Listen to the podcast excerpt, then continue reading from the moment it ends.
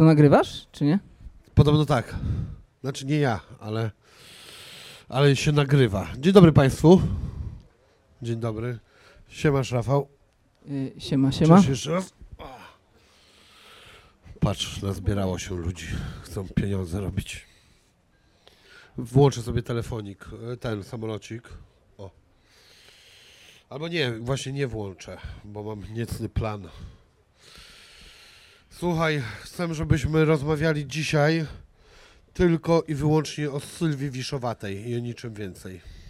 A y, Sylwia Wyszowata to taki mój crush mały, także. Rozmawiajmy. Znacie Sylwię Wiszowatą? Tak? Jest super, co? Jak to nie znasz? Sylwię Wiszowatej nie znasz? A, a ten kawał z tą ręką, która śmierdzi kiełbasą, to nikt nie zna? Chyba każdy, nie? Opowiadaj. Nie, nie, nie jestem stand-uperem, chociaż poczułem taką misję, żeby tutaj coś powiedzieć. Bo ja widziałem właśnie, że... ten- Słuchajcie, ja tu jestem przypadkiem, bo dzisiaj jest Silent Disco i jak Wini mi napisał, że czy mo- możemy pogadać o czymś, to ja stwierdziłem, że to będzie taka dobra rozgrzewka. Tu się wygadam, a tam będę milczał, będę miał słuchawki, także... Że co, że zakłada się słuchawki i się tańczy. Ale wiecie, co jest najgłupsze? Że i tak leci muzyka głośno. Zauważyliście to? Jest totalny bezsens. Słuchaj, e, ja postanowiłem, że zadzwonimy do Sylwii w ogóle teraz i sobie z nią pogadamy. Nie, bo to jest cringe tak, straszny. no i właśnie o to chodzi, no. Robimy wiochę, no bo bez sensu jest Jeszcze robić. miłość wyznam, czy coś takiego. Dawaj, właśnie to, to chciałem. Czekaj, dajemy ją na głośnik. Ja już ten, wszystko tu mam. Ja pierdolę. Halo? Musiałeś to zrobić. Tak. Mówiłam ci, żebyś nie dzwonił, bo mam chłopaka. A? Nie mówiła tak wcale. Wcale tak nie mówiła. Czekaj, bo dałem, włączyłem głośnik i nie słychać nic na głośniku. Weź, bo ja się krępuję, także... Tak, poczekaj chwilę. Co jest za beznadziejny sprzęt? JBL. Mieliśmy gadać o ekonomii, ale no... Nie, chyba właśnie, ja tak wcale nie mówiłem ci. Co ty masz tu w ogóle? Co? Nie, zostaw to, zostaw to! To jest, są prezenty dla ciebie. To jest następna część. Dobra, nieważne, nie ma, będziesz na głośniczku z iPhone'a gadała. Halo? No? Cześć. No to Rafał, jest sprawa, bo ty mi Rafał kiedyś pisałeś, że na którejś mojej solówce, że wykupisz wszystkie miejsca i nie wykupiłeś. I teraz ja akurat sprzedaję taką scenę relaks w Warszawie. No Masz. Nagłośnij to. i brakuje jeszcze 300. 300? A ja cię mogę tam zaprosić na 50 piętro, żebyś e, zrobiła występ, tylko jak usłyszałem na tym twoim e, występie ostatnim, że wkładasz e, różnym mężczyznom patyki w różne otwory, to stwierdziłem, że się boję. Czekajcie, bo ja tu głośniczek przygotowałem, który nie działa, ale może zaraz zadziała. Jeszcze raz. Co jest z tym dziadostwem? Wini ma problem z techniką, także chwila. moment. Zawsze. Jest. I co, teraz działa? Halo? No, mów coś. Tak? Dziadostwo. Czekaj, łą... Ja już straciłam nastrój. Nieprawda! Poczekaj chwilę, chodź. Spróbujemy jeszcze dalej to uratować. O, jest, a teraz? Teraz też nie? A nic, myślałem, że teraz będzie z JBL-a cię słychać, ale cię nie słychać dalej. To jest ten czas, kiedy możecie pójść po pizzę i kole, no potem się skończy, także... No dobra, nic, ona mówiła, żebyś kupił dużo biletów na jej występ. Gdzie jest ten występ? Na relaksie 300 miejsc musi kupić. Ale ja kupiłem z 10 miejsc, ale nie przyszedłem, bo Wini mi wcześniej dał y, bilety. No. Ja wszystko popsułem. 300 miejsc masz kupić, to o to chodziło. A co się nie rozeszły? Już wszyscy się przekonali? Także... No nie, to jest taka reklama zakamuflowana, no żartujemy, że ty kupisz te 300 mi- yy, miejsc, a... Nierozumny do końca, to kończymy. Dobra, pa. Spociłem się tego wszystkiego. Nienawidzę technika. Nie wiem czemu JBL, syf. Dziś już sobie u niej przesrałem, także... Nie, nieprawda. Dobra, słuchaj, teraz mam dla ciebie te. Yy, proszę cię bardzo, mam dla ciebie prezenty. Wyobraź to sobie. Ja ostatnio dorwałem e, podręcznik dla z 54 roku do ekonomii sowieckiej, także będę miał fajne porównanie, bo to jest ekonomista 39 rok, a, kwartalnik poświęcony nauce i potrzebom życia. W ogóle są takie ciekawe, ciekawe rzeczy, jak się czyta takie stare książki, bo y, możemy wczuć się w, ty, w ówczesnych y, czytających takie ekonomiczne pozycje i zweryfikować, co się wydarzyło później, nie? Na przykład w Polsce Bieruta po 54 roku, gdzie tak jechali kapitalistów i y, tych wszystkich złodziei. Także co to jest? A, to jest ekonomista i for. Czy kapitalizm jest moralny? O, Palmer. Chyba to nawet czytałem. Naprawdę? A może i nie. Paradoks moralności. No kapitalizm nie musi być moralny. To w sumie nie ma nic wspólnego z moralnością. Mi się wydaje przynajmniej. Ale, Ale, ale dziękuję być? szczególnie za to, bo zbieram takie, e, takie stare podręczniki i, i różną literaturę, szczególnie e, dotyczącą ówczesnych czasów. Nie można potem zweryfikować. Szczególnie to jest pierwszy kwartał 1939 roku. Jeszcze żeby poczytać prasę y, z początku 1939, odnieść to do tego, co potem się wydarzyło w ciągu no, 8 miesięcy, tak? Coś, co zmieniło już cały świat, nie? Czyli druga wojna światowa. No. No właśnie, czyli świetny prezent. Tak, dziękuję. Chociaż Wiszowata mnie bardziej tak Tak? podkręciła. No wiem, no tylko no ten JBL wszystko spieprzył. Nie wiem, zawsze, zawsze to działało, a teraz y, wybiło mnie to totalnie z, z pantałyku. To będzie dzisiaj beznadziejna rozmowa. Zebrało się bardzo dużo ludzi, wszyscy oczekują, że będą fajne pytania. Nie będzie fajnych pytań. Mam to też popisane, teraz mi się to Jestem wydaje. gorzej że to przygotowany niż na Everesta. Jest... Także Tak. E, nie wiem, co tam, od czego zależy. Młodo wyglądasz. Wiesz coś, że młodo wyglądasz? Stać mnie na botoks, także Mhm. Jak Putina, no dobra. wygładzam się. Nie no, żart. Takie Mm. geny niestety. Ale dobra. Yy, Słuchaj, ty, a zdarza ci się na przykład, że na ciebie e, polują gold diggerki? yy, tak, niestety. Ale ja nie mam prawka i za tym idzie, nie jeżdżę samochodem, więc jakby wszystkie blachary odpadają i to jest duży plus. Yy, no, także A bolciary? bolciary. Nie, nie. Nie, ale jest problem. No na pewno jest problem z tym, że ciężko mm, no, się zakochać, nie? Bo potem dziewczyna zawsze sprawdzi coś w Google'ach i sobie ma jakieś błędne wyobrażenie na mój temat. Yy, I to jest yy, problem, nie? No. No ale y, tak trochę pytam na serio, bo jak jest taka sytuacja, że ogólnie ludzie wiedzą, że e, jesteś... To e, się nagrywa, e, tak? Nie? Tak, że jesteś e, bogaty, to jak ty weryfikujesz na różne sposoby e, znajomości i e, prywatne ze strony męskiej, no i szczególnie ze strony damskiej, gdzie zawsze jednak za tym stoi jakaś myśl, że kurde, nie wiadomo co jeszcze ona tam chce. No, wykrywacz kłamstw yy, i elektrowstrząsy i wtedy jakby mam pełną weryfikację, nie? Okej? jak ktoś przejdzie, to jeszcze nikt nie przeszedł, to, to idzie dalej, nie? Tak. Ale nie, cię, tak naprawdę poważnie ciężko jest zweryfikować, a poza tym, no już, ja jestem taki długodystansowiec bardziej. No. Aha, czyli na tym długim dystansie zaczynasz e, e, dochodzić do Mieliśmy prawdy. gadać o ekonomii, Nie właśnie, kurna, no, o ekonomii. No, wszyscy gadają to o ekonomii. Dobra, co? Ile będzie trwała wojna? No, jeszcze, no, co będzie z wojną? No. dobra, pogadajmy o tym, co poprzednio. Nie, no dawaj, no, co będzie z wojną? No, Ukraina, Putin. Będzie wojna długo, niedługo? Nie no, myślę, że się y, ten konflikt zamrozi y, i myślę, że będą jakieś niespodziewane, zgodnie z prawem Marfiego, wydarzenia y, typu wojna o stołki, bo jednak gospodarka tak różowo nie wygląda. Po pierwszym szoku sobie poradziła gospodarka rosyjska, ale rubel będzie się osłabiał, bo nie ma innej opcji, nie? Jakby w, tym, w tej wymianie międzynarodowej e, Rosja traci. Nawet jeśli podjęli, Bank Centralny Rosji podjął bardzo dobre decyzje e, w kierunku obrony rubla i gospodarki, no to bez wymiany międzynarodowej to się tak na nich mocno zemści. Nie? Także to jest kwestia tylko czasu. Tak jak Chiny przeciwdziałają y, ym, ograniczeniu ich zapędom mocarstwowym i tych res, y, resentymentom y, przez USA, y, ale to też jest na krótką metę, bo na końcu ten system nie ma racji bytu w porównaniu do, do tego kapitalizmu, o którym pewnie zaraz będziemy y, rozmawiać. Nie? No.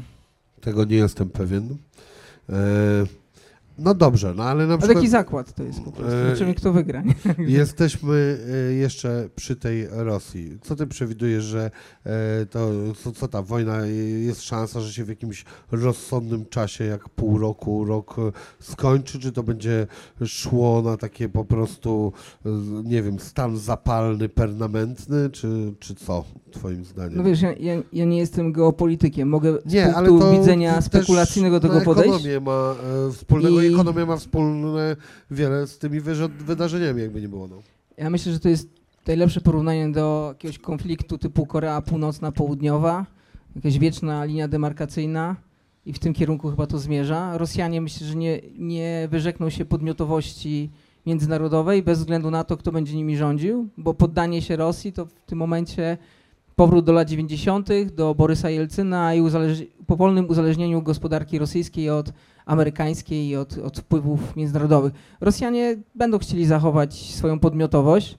Yy, Żeby tak nie było różowo, Polska nie ma podmiotowości, Yy, ale tej, w tej naszej podmiotowości amerykańskiej, znaczy w, tej, w tym w parasolu amerykańskim chyba lepiej niż ni- przy, przy rosyjskim. Więc ja uważam, że mentalnie się po prostu tego nie wyrzekną, tak jak Chińczycy nie wyrzekną się resentymentów państwa środka i potęgi z XVIII wieku. To jest, to jest niemożliwe. Nie musieliby przegrać jakąś du- dużą wojnę, tak jak Japonia przegrała ze Stanami i, i Niemcy przegrały ze Stanami i schowały y, to swoje myślenie o podporządkowaniu świata no, na wiele lat, nie? no niby tak, a jednak e, ekonomicznie e, wyszło to na dobre dla nich. No ja bym wolał przegrać y, z Amerykanami niż z Rosjanami, także... Jakby Znaczy- Pol Polska, kiedyś był taki plan, nie? żeby Polska wywołała wojnę z Amerykanami i potem spektakularnie się poddała, nie? Na przykład za PRL-u, nie? Tak? Kiedy był taki plan? No tam w żartach takich, e, bo mój tata zbierał jakieś takie materiały e, ze Stoczni Gdańskiej, no to pamiętam takie artykuły z lat 85, 86, że najlepiej, żeby Polska Ludowa wypowiedziała wojnę Stanom Zjednoczonym i tak z kretesem szybko przegrała, nie? Okej. No Ja znam inny żart, że e, a propos rządu tamtego, że e, oni zawsze chcą dobrze się nie udaje, że raz mogliby chcieć źle, żeby też się nie udało. A, okej. To chyba taki wydaje mi się na podobnym e, poziomie i czasie to był żart. Ale wiesz, no ten PRL trzeba trochę z innej perspektywy spojrzeć, bo e, ja nie patrzę na Amerykę, że to jest idealny system i ten kapitalizm tak świetnie działa. On po prostu jest lepszy dla 1% takich, e, że e, z tych benefitów takiego kapitalizmu najwięcej czerpią, bo nawet jeśli myślimy o walce systemów, czy to socjalizm, czy to kapitalizm, to mm, y, wydaje nam się, że one na tej samej płaszczyźnie, na tej samej płaszczyźnie można je analizować, ale jednak kapitalizm nie jest stworzony dla wszystkich ludzi. E, jakby benefity systemu albo ustroju, w którym koncentracja kapitału daje jakąś przewagę, czyli tutaj mamy do czynienia, uważam, że z, z, z, ze Stanami i jakaś wolność też wy- wynikająca z zarządzania tymi pieniędzmi i ochrona prawna, czyli ten system, który, który mm, mamy w, USA, gdzie jeśli masz pieniądze, to masz prawników i jesteś w stanie e, się ochronić, jeśli wszyscy mm, trzymają się tych samych reguł gry, czyli prawa, co nie działa w Rosji i nie działa w Chinach, tak do końca. E, także uważam, że y, ten system jest skierowany przede wszystkim dla jednego, jednej dziesiątej procenta najbogatszych ludzi, tych, którzy mają kapitał i potrafią nim koncentrować go i nim zarządzać. Nie? Nic więcej. Nie? I jeśli tak rozpatrujemy kapitalizm, to jest, jest, jest nam łatwiej przewidzieć, y, co się wydarzy i dlaczego poszczególne systemy mogą być lepsze y, od innych. Nie? Bo jeśli byśmy używali tego argumentu, że każdy z tych systemów jest tak samo dla na, y, ma taki sam wpływ na, na nas wszystkich, to byśmy powiedzieli, że kapitalizm na tym najniższym poziomie małych przedsiębiorstw w Chinach jest dużo, dużo lepszy i skuteczniejszy niż w Stanach. I tak jest, i w Europie Zachodniej, mniej, mniej uregulowany. Ale to nie jest y, clue gospodarki konkurencyjnej, bo w gospodarce konkurencyjnej potrzebujesz ten kapitał zakumulować y, poprzez rynki finansowe, bądź banki, bądź fundusze inwestycyjne skierować w jakiś sektor, który zmienia świat. W tym przypadku zobaczcie Tesla. Długo taki sektor dotować, bo y, każda inwestycja y, która y, zmienia tą rzeczywistość, będzie dużo kosztowała i będzie bardzo du dużo czasu potrzebowała i mieć na tyle determinacji, żeby być w tym numerem jeden, nie? Patrząc na y, rozwój y, innowacji w Stanach, czy to mikrokomputerów i hossy z lat 80., czy z lat 90. internetu, czy teraz y, AI, to y, ten schemat się powtarza. I to w gospodarce y, takiego hegemona, którego waluta jest y, podstawowym środkiem wymiany na całym świecie. Mm, I dodatkowo ta gospodarka poprzez swoje firmy, które są też y, monopolistami, y, steruje tą gospodarką, nic więcej, globalną, tak? Zauwa- zauważ, zauważ, że jest taki duży dylemat, jak działałem w branży interaktywnej, to to, że Polska miała ten problem, że była nie za małym krajem i też nie za dużym, nie aż tak dużym, ale dużym wystarczająco, żeby powstawało tu dużo innowacji lokalnych, ale to już w lepszej sytuacji była na przykład Estonia, która od razu już nie marzyła o startupach y, na Estonię albo taka Finlandia, tworzyła już startupy globalne, nie? Ale patrząc na, na Stany, jak one wspierają swoje przedsiębiorstwa, na koniec końców lepiej jest założyć duży globa, dużą globalną firmę w USA, za którą stoi dolar, y, banki inwestycyjne i, i, i, i, cała ta infrastruktura, niż y, wybijać się z Polski albo z Estonii, albo z innych tego typu y, państw i krajów, nie? A czy y, ty byś się zgodził z takim stwierdzeniem, że inwestorzy w Polsce mają takie e, myślenie bardzo często e, bardziej krótkoterminowe, bardziej przyziemne i e, więcej chcą zagarnąć z nowego biznesu, e, jak się ogląda e, te niektóre no, filmy albo czyta książki.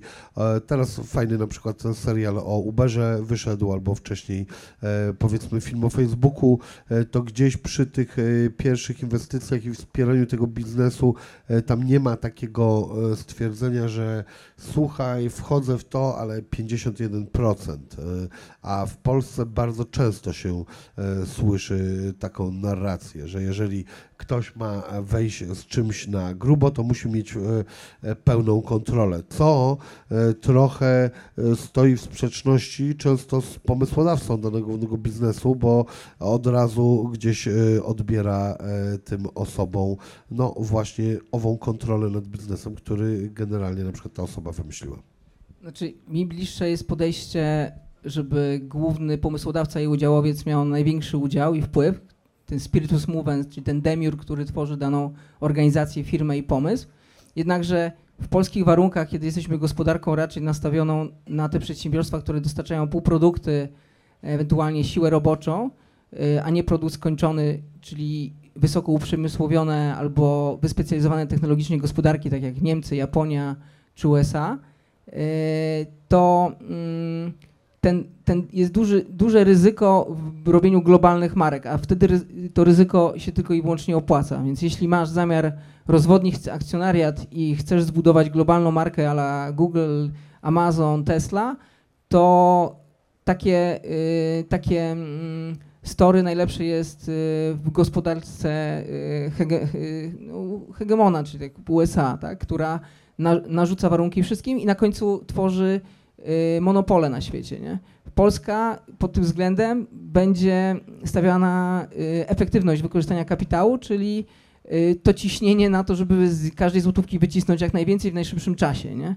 E, I tutaj jest ten dylemat. Ja się temu nie dziwię. Oczywiście ktoś by powiedział, powinniśmy podejść tak jak mm, w Stanach, ale albo w państwach wysoce rozwiniętych, ale no niestety nie mamy takiego zaplecza kapitałowego, żeby dotować takie firmy aż do zdobycia pozycji monopol, e, monopolistycznej i z drugiej strony zapewnienia tym firmom e, rozwoju e, pod jakimś parasolem.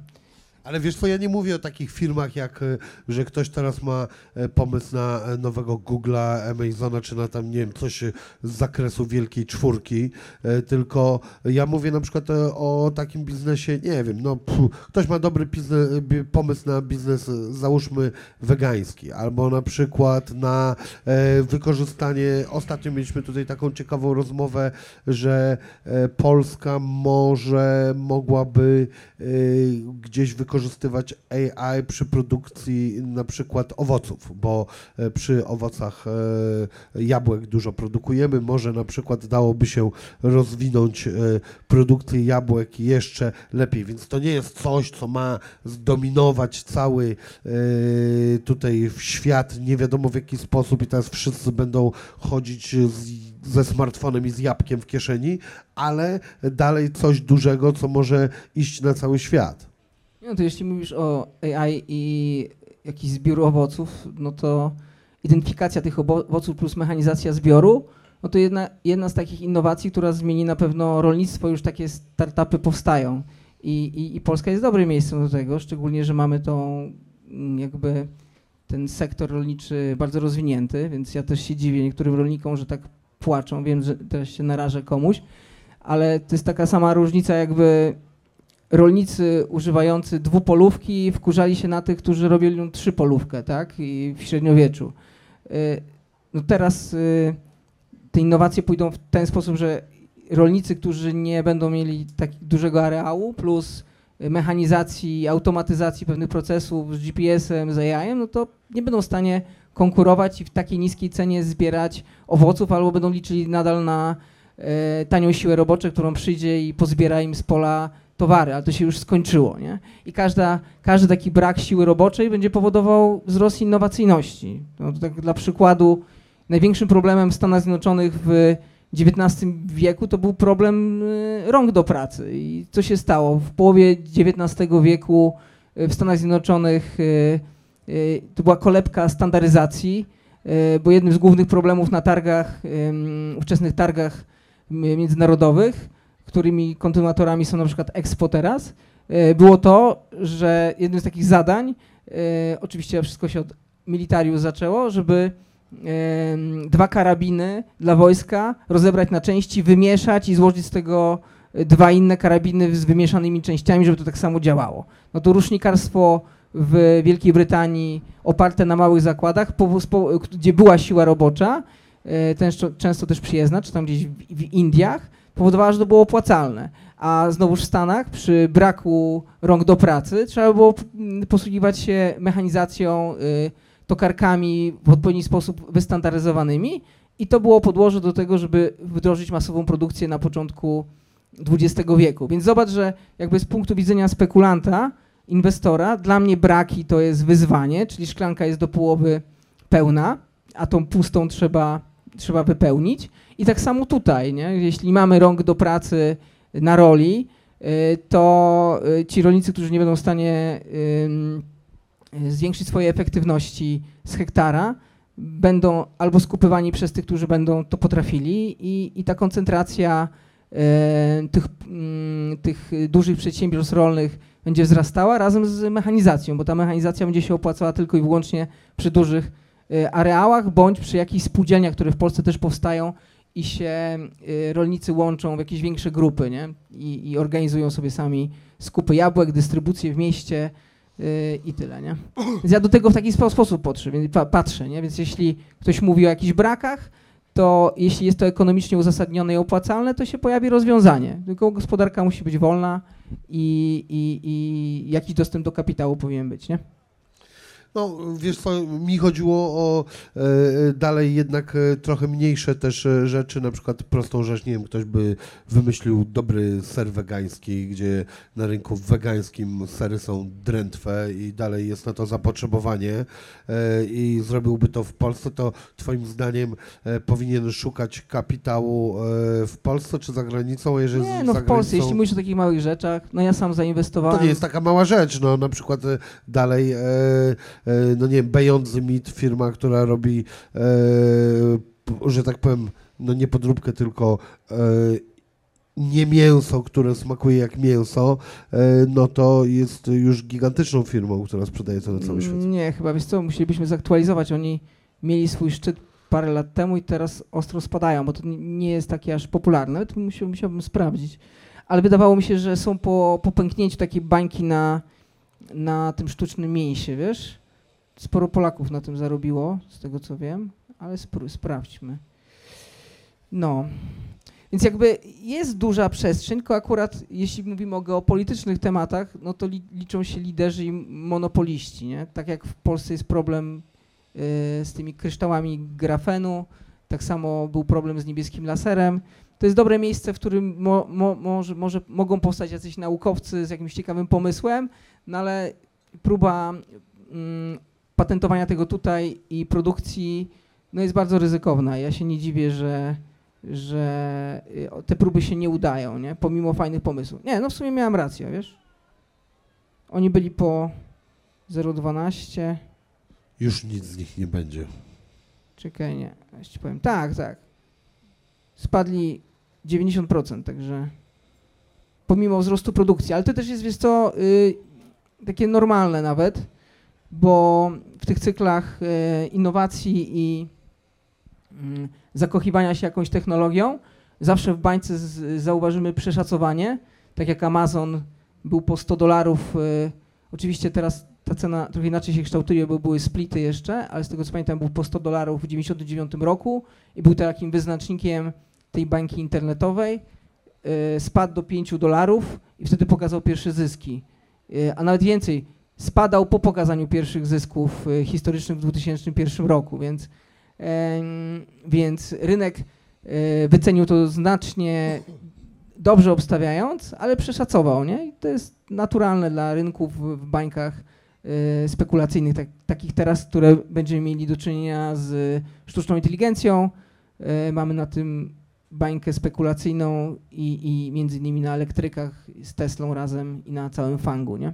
No, ale to jest szerszy temat związany raczej z, też z wo- wojną z Chinami, nie?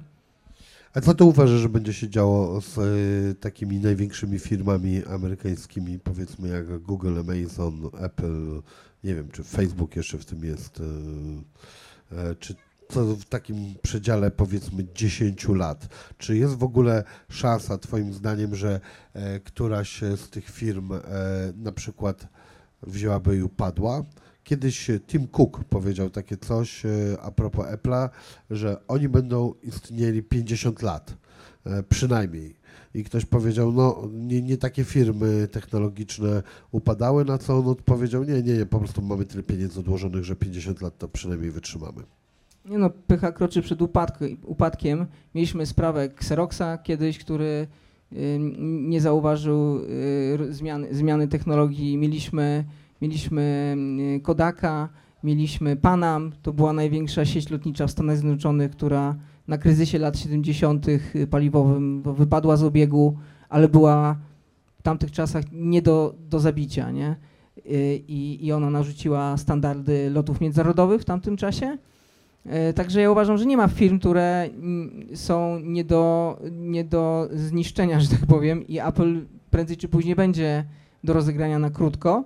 E, A z takiej perspektywy globalnej o wiele, o wiele ważniejsze jest, czy ta gospodarka jest w stanie wytwarzać non-stop tego typu firmy w zmieniającej się rzeczywistości e, różnych innowacji. Tak więc na pewno powstanie jakiś twór e, związany z sztuczną inteligencją, zgarniający jakiś duży tort z rynku, tak jak powstał Facebook, Google, tak jak e, też nie, pamię- o, na przykład nie pamiętamy o Yahoo, nie wiem, pamiętasz coś jak Alta Vista albo Lycos, Wstyd mi, ale tak. no właśnie, nie? I to, to były największe wyszukiwarki swego czasu i, i, i Yahoo też miało być taką firmą niezniszczalną i okazało się, że jednak y, wybory konsumentów trochę, trochę inną drogą, drogą poszły. Poza tym też jest liczba zdarzeń y, w świecie ekonomii, które nazywamy czarnymi łabędziami. Taleb o tym fajnie pisał. No nie jesteśmy w stanie do końca przewidzieć i jaki będą miały wpływ na, na rynek y, kapitałowy. Więc ja myślę, że Apple prędzej czy później i tak skończy źle, bądź będzie zmarginalizowany. Na przykład e, IBM, wiem, że to jest duża firma, e, albo General Electric, która zresztą e, swoje źródła miała przy Edisonie. I, i, I co z tego? Już nie odgrywa takiej roli, ponieważ największą kapitalizację osiągnęła wtedy, kiedy ta innowacja, czyli elektryczność w przypadku General Electric, mm, była, była e, jakby w topie innowacji i takiego spiritus movens świata. Nie? Te, teraz ten świat będzie napędzała sztuczna inteligencja, ona będzie powodowała wzrost efektywności. Wtedy to była elektronika, yy, a w przypadku IBM no, pierwsze maszyny cyfrowe yy, w takich zastosowaniach biznesowych. Nie? I to były lata 50., 60. I IBM też w tamtych czasach był uważany za firmę nie do, nie do prześcignięcia. Nie? No, a teraz oczywiście istnieje, ale jest przez funk y, zmarginalizowany. Nie? No. Ale się wydaje, e, tak e, no, patrząc na to przez powiedzmy takiego laika jak ja, że te firmy e, strasznie rozwijają swoje działy obserwowania świata i e, rozwoju. Oni cały czas poszukują nowych, e, nowych rozwiązań, że cały czas inwestują albo w sztuczną inteligencję, rozglądają się, non-stop się słyszy, że Google to jeszcze ma takie coś w zanadrzu, coś tam innego wykupują inne firmy. Kto ten Boston Dynamics kupił? Ktoś chyba duży. Ja już nie pamiętam, szczerze mówiąc, ale ktoś ich wykupił, nie? No właśnie. Mówiło się o Boston Dynamics, że to jest na przykład taka firma, która mogłaby bardzo mocno namieszać na rynku światowym, a skończyło się to, że została wchłonięta. Więc Ale na e, przykład zobacz, przez ileś tam lat mówiono o sztucznej inteligencji w Chinach, że jest na takim wysokim poziomie ze względu na identyfikację swoich obywateli. No i tam to uczenie maszynowe musiało być bardzo zaawansowane ze względu na rozpoznawanie twarzy i zarządzanie bardzo dużą bazą danych. No i okazało się, że wystarczyło 6 miesięcy, a ChatGPT jest na ustach wszystkich i, i, i, i sztuczna inteligencja y, ze Stanów y, i wszystkie projekty, które gdzieś tam krążyły y, no, w cieniu, są na ustach wszystkich. I znowu Stany Zjednoczone. Więc dla mnie to jest pokazanie, w jaki sposób amerykańska gospodarka z ich systemem, pomimo tego, że każdy z nas mógłby na to narzekać i nie lubimy ym, y, tego nu numer jeden, każdy liczy na to, że Ameryka prędzej czy później, Stany Zjednoczone się gdzieś o coś potkną, ale nie ma na razie alternatywy dla mnie jakby z tego punktu widzenia. Więc jakby sam fakt, że ta gospodarka generuje przy takim kapitale nowe pomysły innowacje już jest wystarczającym, żeby była gospodarką napędzającą y, cały świat, nie? Jesteś agentem amerykańskim? Nie, nie jestem agentem, ale no jakby, a właśnie jeszcze wracając do pytania o wycenę tych spółek, y, zróbcie sobie taki eksperyment, jest taka strona stuk.com, nawet teraz z Google'a i sobie wpiszcie tam Nasdaq i na dole można porównać go do złota, czyli jeśli chcemy porównywać różne bańki spekulacyjne, to fajnie jakbyśmy mieli jakiś odnośnik nie w postaci dolara, który traci swoją wartość nabywczą, tylko na przykład złoto, które w tym czasie też zyskało i się okaże, że ta bańka, która jest obecnie, pomimo olbrzymich wycen w miliardach, ja jeszcze pamiętam w latach 90. to Buffett ścigał się z Warrenem Buffettem i oni mieli tam 20 miliardów dolarów i byli miliarderami, nie? A Buffett z Buffettem? Yy, przepraszam, Buffett z, z tym, z y, no, Gatesem, o. A myślałem, że z Jay-Z. Y, Nie, z Ga- Gatesem się ścigali o, o numer jeden na liście Forbesa najbogatszych. Y, No i od czasu znajomości z Gates, z tym, z Buffettem, Gates zaczął wyprzedawać Microsoft i już nie jest najbogatszym na świecie. Także, ale, ale wracając do tego, ta bańka, pomimo y, tego, że widzimy ten Nasdaq tak wysoko, nie jest tak duża jak w latach 90. bańka związana z, y, z startupami internetowymi i możecie sobie porównać w stosunku do złota. Jesteśmy nawet, jed, dzisiaj sprawdzałem, nawet w jednej, w jednej trzeciej tej bańki, czyli tam było grubo, teraz wcale nie jest grubo, nie? Pomimo, że wykresy pokazują y, zupełnie coś innego, nie? Ale jak na przykład zobaczymy sobie indeks Merval argentyński, to jak y, każdy z nas sobie przypomni, ile tam było kryzysów, to y, wydaje nam się w naszej pers- perspektywy zwykłego zjadacza chleba, który korzysta Chciałem z mediów. zauważyć, że zwykli zjadacze chleba niekoniecznie sprawdzają ten indeks. jak, y, Ko, jak, jakikolwiek w ogóle No tak, indeks. ale jeśli, Oni po prostu zjadają chleb. jeśli sły, Czasami pizzę na przykład. Ja nic nie wiem o żadnych indeksach, ty cały czas gadasz o tym, jakby to każdy o tym wiedział i to było oczywiste. Nie, ale mówię o perspektywie, że jeśli media piszą o jakichś kryzysach, to nam się wydaje, że jeśli jest kryzys, to indeksy giełdowe, spółki spadają, tracą na wartości. Ale jest inna teoria, taka spekulacyjna i bardziej praktyczna, że indeksy giełdowe, czyli jakiś tam wskaźnik ważony iluś spółek, bo tak trzeba to nazwać, e, nie odzwierciedlają wartości tych przedsiębiorstw i e, zysków, które osiągają, bądź przepływów kapitałowych, które mają, ale bardziej kondycji waluty, w której są wyrażane. No i to jest o wiele lepsza definicja, żeby zrozumieć, dlaczego y, rynki rosną, a my chcemy ciągle to shortować, nie? na przykład. No. I To- wracając do tej Argentyny, jak mówimy o 10 kryzysach, to wydaje nam się, że tam indeks będzie na dnie, a on jest 10 tysięcy do przodu, procent i tyle, nie? Bo jest w gównianej walucie y, mierzony, nie? Boże. Kto jest lepszy, Rick and Morty czy Family Guy? Ja, ja uwielbiam Ricka Mortiego, nie? Szczególnie odcinek z ogórkiem, kiedy Mistrzowski. tak, Wreszcie jesteśmy w domu. Może, możemy porozmawiać o czymś, o czym mam pojęcie. Ty mi o Argentynie opowiadasz. Coś strasznego. To był świetny odcinek. Oglądaliście odcinek? Wszyscy, wszyscy widzieli? Jest ktoś, kto nie widział? Naprawdę?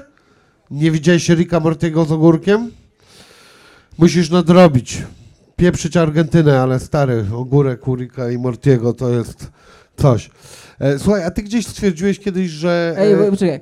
Ja naprawdę tam zamówiłem wam pizzę i są do odbioru i ja takie marzenie miałem, że y, posiedzimy sobie jak na wiecu, wieczu, wie, wiecu wyborczym sułtana kosmitów i będziemy sobie pić kole, jeść pizzę. Ja będę słyszał jakieś pytania gościa, który tam mieli coś jęzorem, ja go nie rozumiem. Czyli moje... Wszyscy będą podpici już kolą i ten. I oni tam czekają, ci ludzie chcą pracować, więc na hasło Zaorski możecie sobie odebrać pizzę i kolkę, tak? I ja widzę, że nikt tego nie robi, nie? Poprosimy tutaj trzy. No. Ja nie, ja nie, no to co mówimy, to nie jest aż takie ciekawe, także Wiem, nudy. no. O to chodziło. Słuchaj, a e, powiedz, e, ty przewidujesz, że w przyszłości e, złoto nie będzie miało takiej wagi, jak, e, jak ma teraz? Znaczy, uważam, mam taką jeden zakład, ale oczywiście ten zakład prawdopodobnie przeżyje mnie, że mm, y, rozwój, y, żeby powiedzieć, górnictwa kosmicznego prędzej czy później dojdzie do takiego rozwoju, że złoto stanie się produktem e, takim powszechnym e, i w końcu te właściwości jego fizyczne będą w dużej mierze wykorzystywane lepiej niż teraz, no bo ze względu na to, że jest takie drogie, to jego kowalność, y, własności elektryczne, własności pochłaniania promieniowania, które są lepsze niż ołowiu, nie są wykorzystywane. Tam po słonach chyba w kosmosie y, satelitów tam jakby się tworzy jakieś y, złote folie i, i, i się rozwiesza, nie? szczególnie, że dobrze odprowadzają ciepło.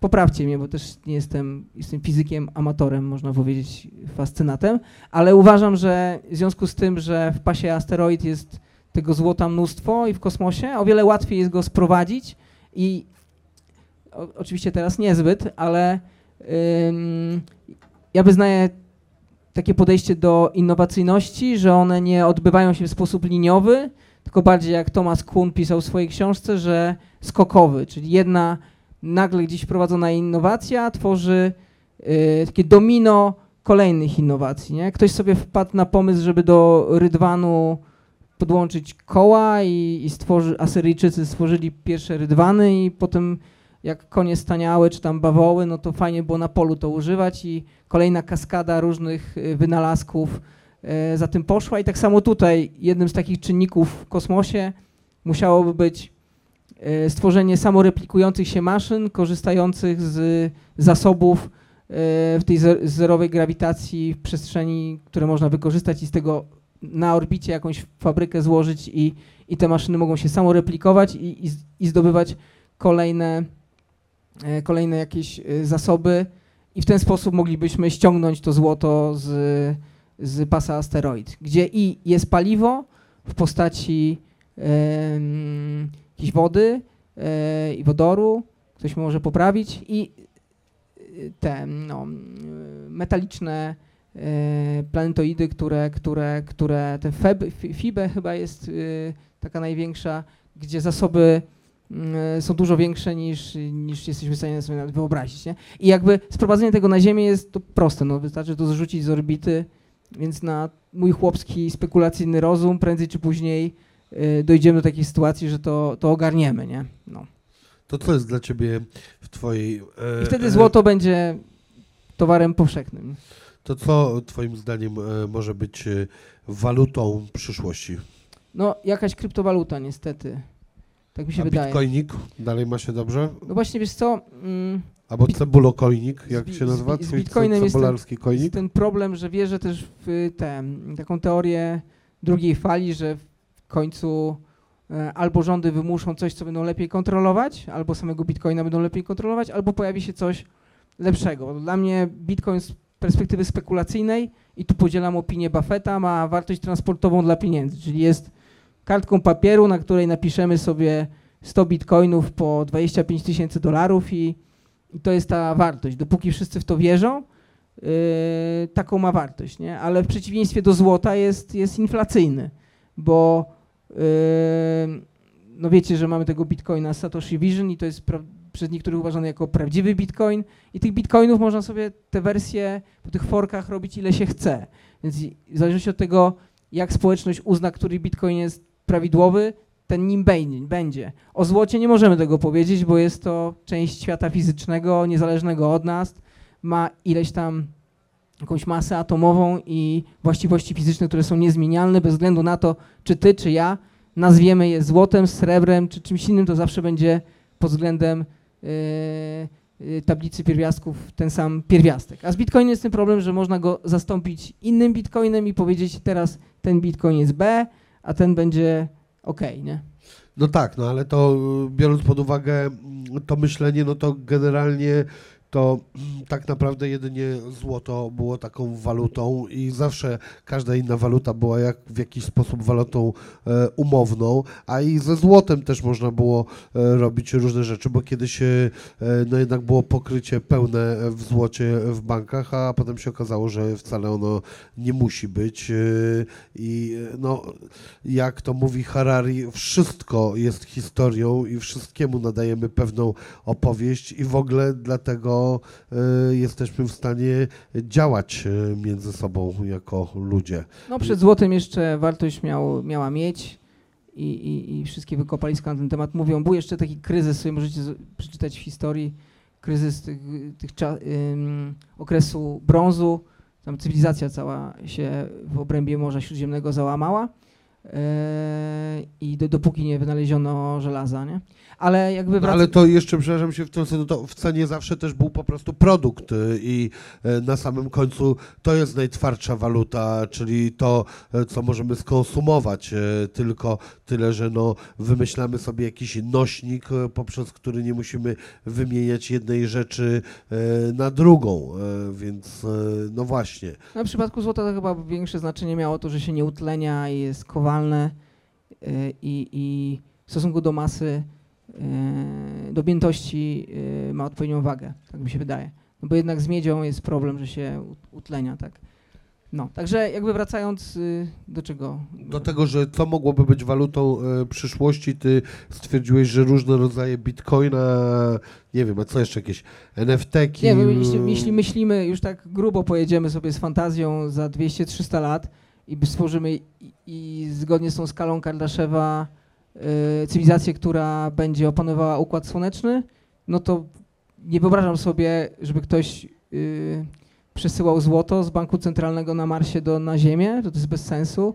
Raczej jakąś formę kryptograficznej waluty y, i, i, i- tyle, nie? I to i- i krypto pod tym względem idealnie się dopełnia, szczególnie, że już przy, odeszliśmy od standardu złota i dzięki Bogu, wiem, że jest sporo osób, które chciałoby, żeby to wróciło, ale jak sobie poczytacie, co się działo podczas kryzysu w 29 roku, no to za każdym takim kryzysem płynnościowym musiał płynąć statek z Anglii ze złotem, nie? No. Bo trzeba było monety dostarczyć, co jest po prostu mega, mm, mega nie, nie, nie, nieefektywne, nie? No. E, A jak się odnosisz do tematu NFT-ków? To jeszcze jest ciekawe, gorące, czy to już nudy? Nie no, jakby ja stawiałem na upadek tego, jakby odkochanie się. Ten Bored Apes chyba spadło teraz ostatnio znowu o 50%. Jakby dla mnie to jest taki klub w przypadku Bored Apes punków, do którego gdzieś należymy.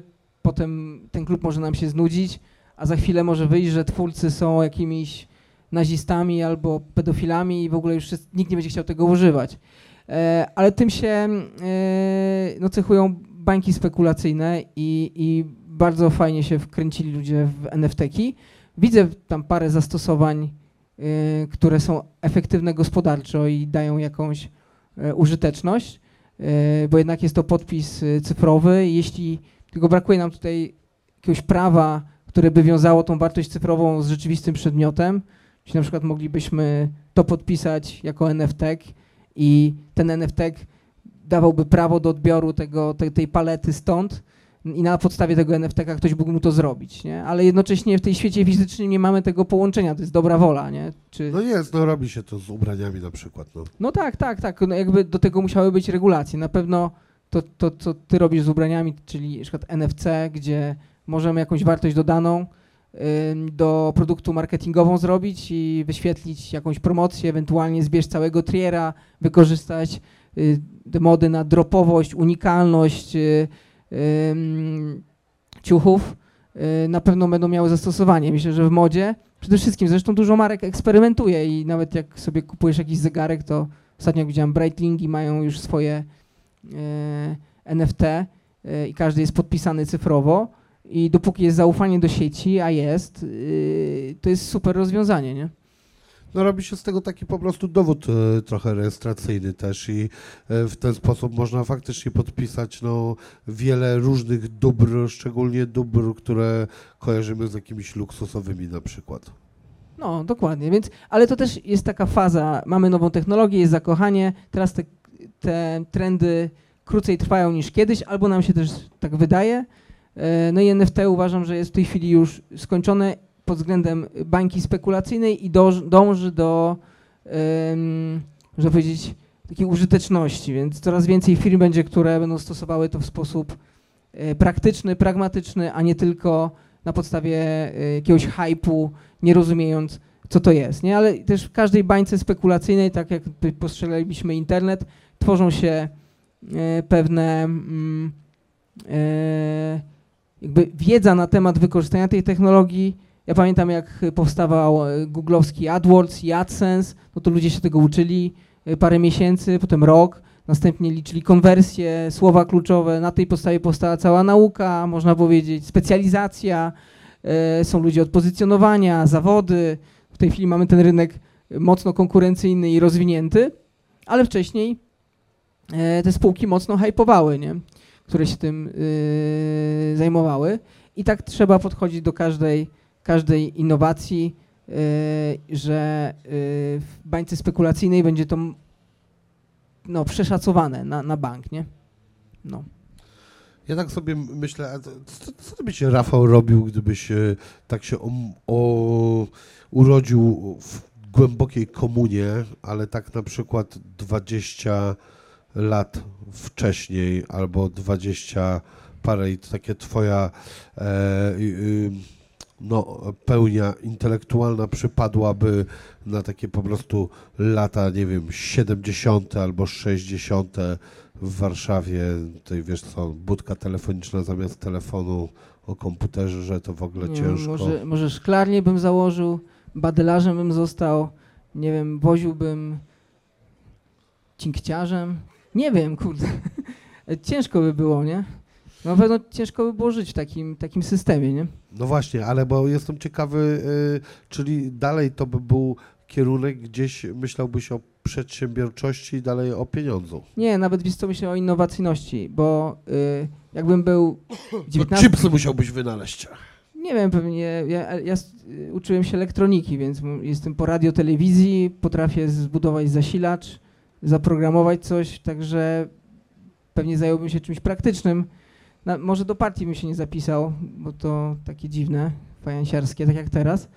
Ale, ale nie wiem, szczerze mówiąc, może bym stąd spierdolił po prostu, bo ciężko by było, nie? Na pewno nie mógłbym na rynku kapitałowym działać, bo nie wiedziałbym, co to jest, nie? Bym widział tylko jakieś filmy ze Stanów, i, i, i, i, tyle. No. Także to też jest taka odpowiedź, e, że czasy, w których się rodzimy, determinują e, też, kim jesteśmy nie? i kim zostaniemy. Nie? A Wilk z Wall Street, kiedy on wyszedł?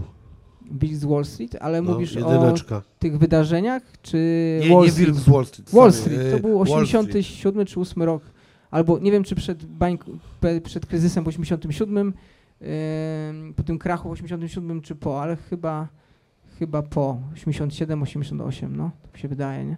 I to był dobry film, nie? Chociaż życie zweryfikowało i, i teraz patrzę na to jak, jak na jakąś taką bajeczkę trochę.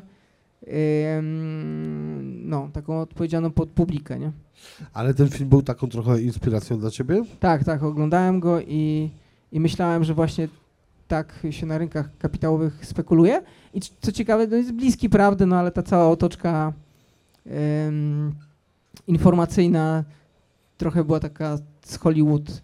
I widzę, że rzeczywistość jest o wiele prostsza y, i, i nie, nie tak sensacyjna, nie? No bo co, co, co jest sensacyjnego w tym, że siedzisz przed komputerem, zbierasz dane, rozmawiasz z ludźmi i wymyślasz sobie, że coś tam shortujesz albo longujesz, ewentualnie wkurwiasz palikota na Twitterze. Wtedy nie było Twittera, ale jakieś plotki pewnie były.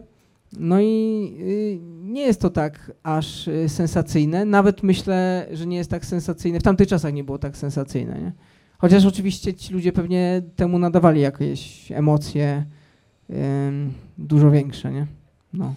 Wiesz Ciężkie bo to, pytania jakieś takie. to ciekawe, bo Amerykanie zawsze potrafią wyprodukować jakiś taki e, film, który później e, całą masę ludzi inspiruje i potem jak się odnoszą do tego filmu, to mówią, że on nie był taki super jak miał być, ale w sumie jednak e, był i fighterzy mają Bruce'a Lee, e, piloci mają Top Gun, e, skaterzy Akademię Policyjną i można tych przykładów mnożyć i okazuje się, że ten Wall Street też był jakimś bodźcem.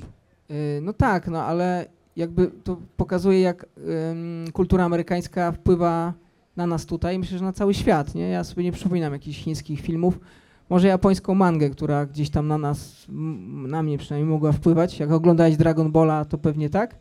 Y, Ale na przykład są złe przykłady, bo wiele osób y, zajęło się rynkami kapitałowymi widząc y, Wilka z Wall Street, a to jest y, historia jednak złodzieja i z punktu widzenia inwestora i spekulanta to jest gościu, który okradał ludzi kłamiąc przez telefon, więc jakby coś zupełnie innego. Dlatego polecam taki inny film opowiadający o tej sytuacji. Boiler Room się nazywa, z takim aktorem Giovanni Ribisi chyba, tak się przypominam. I to pokazuje z perspektywy pracowników, jak to wyglądało.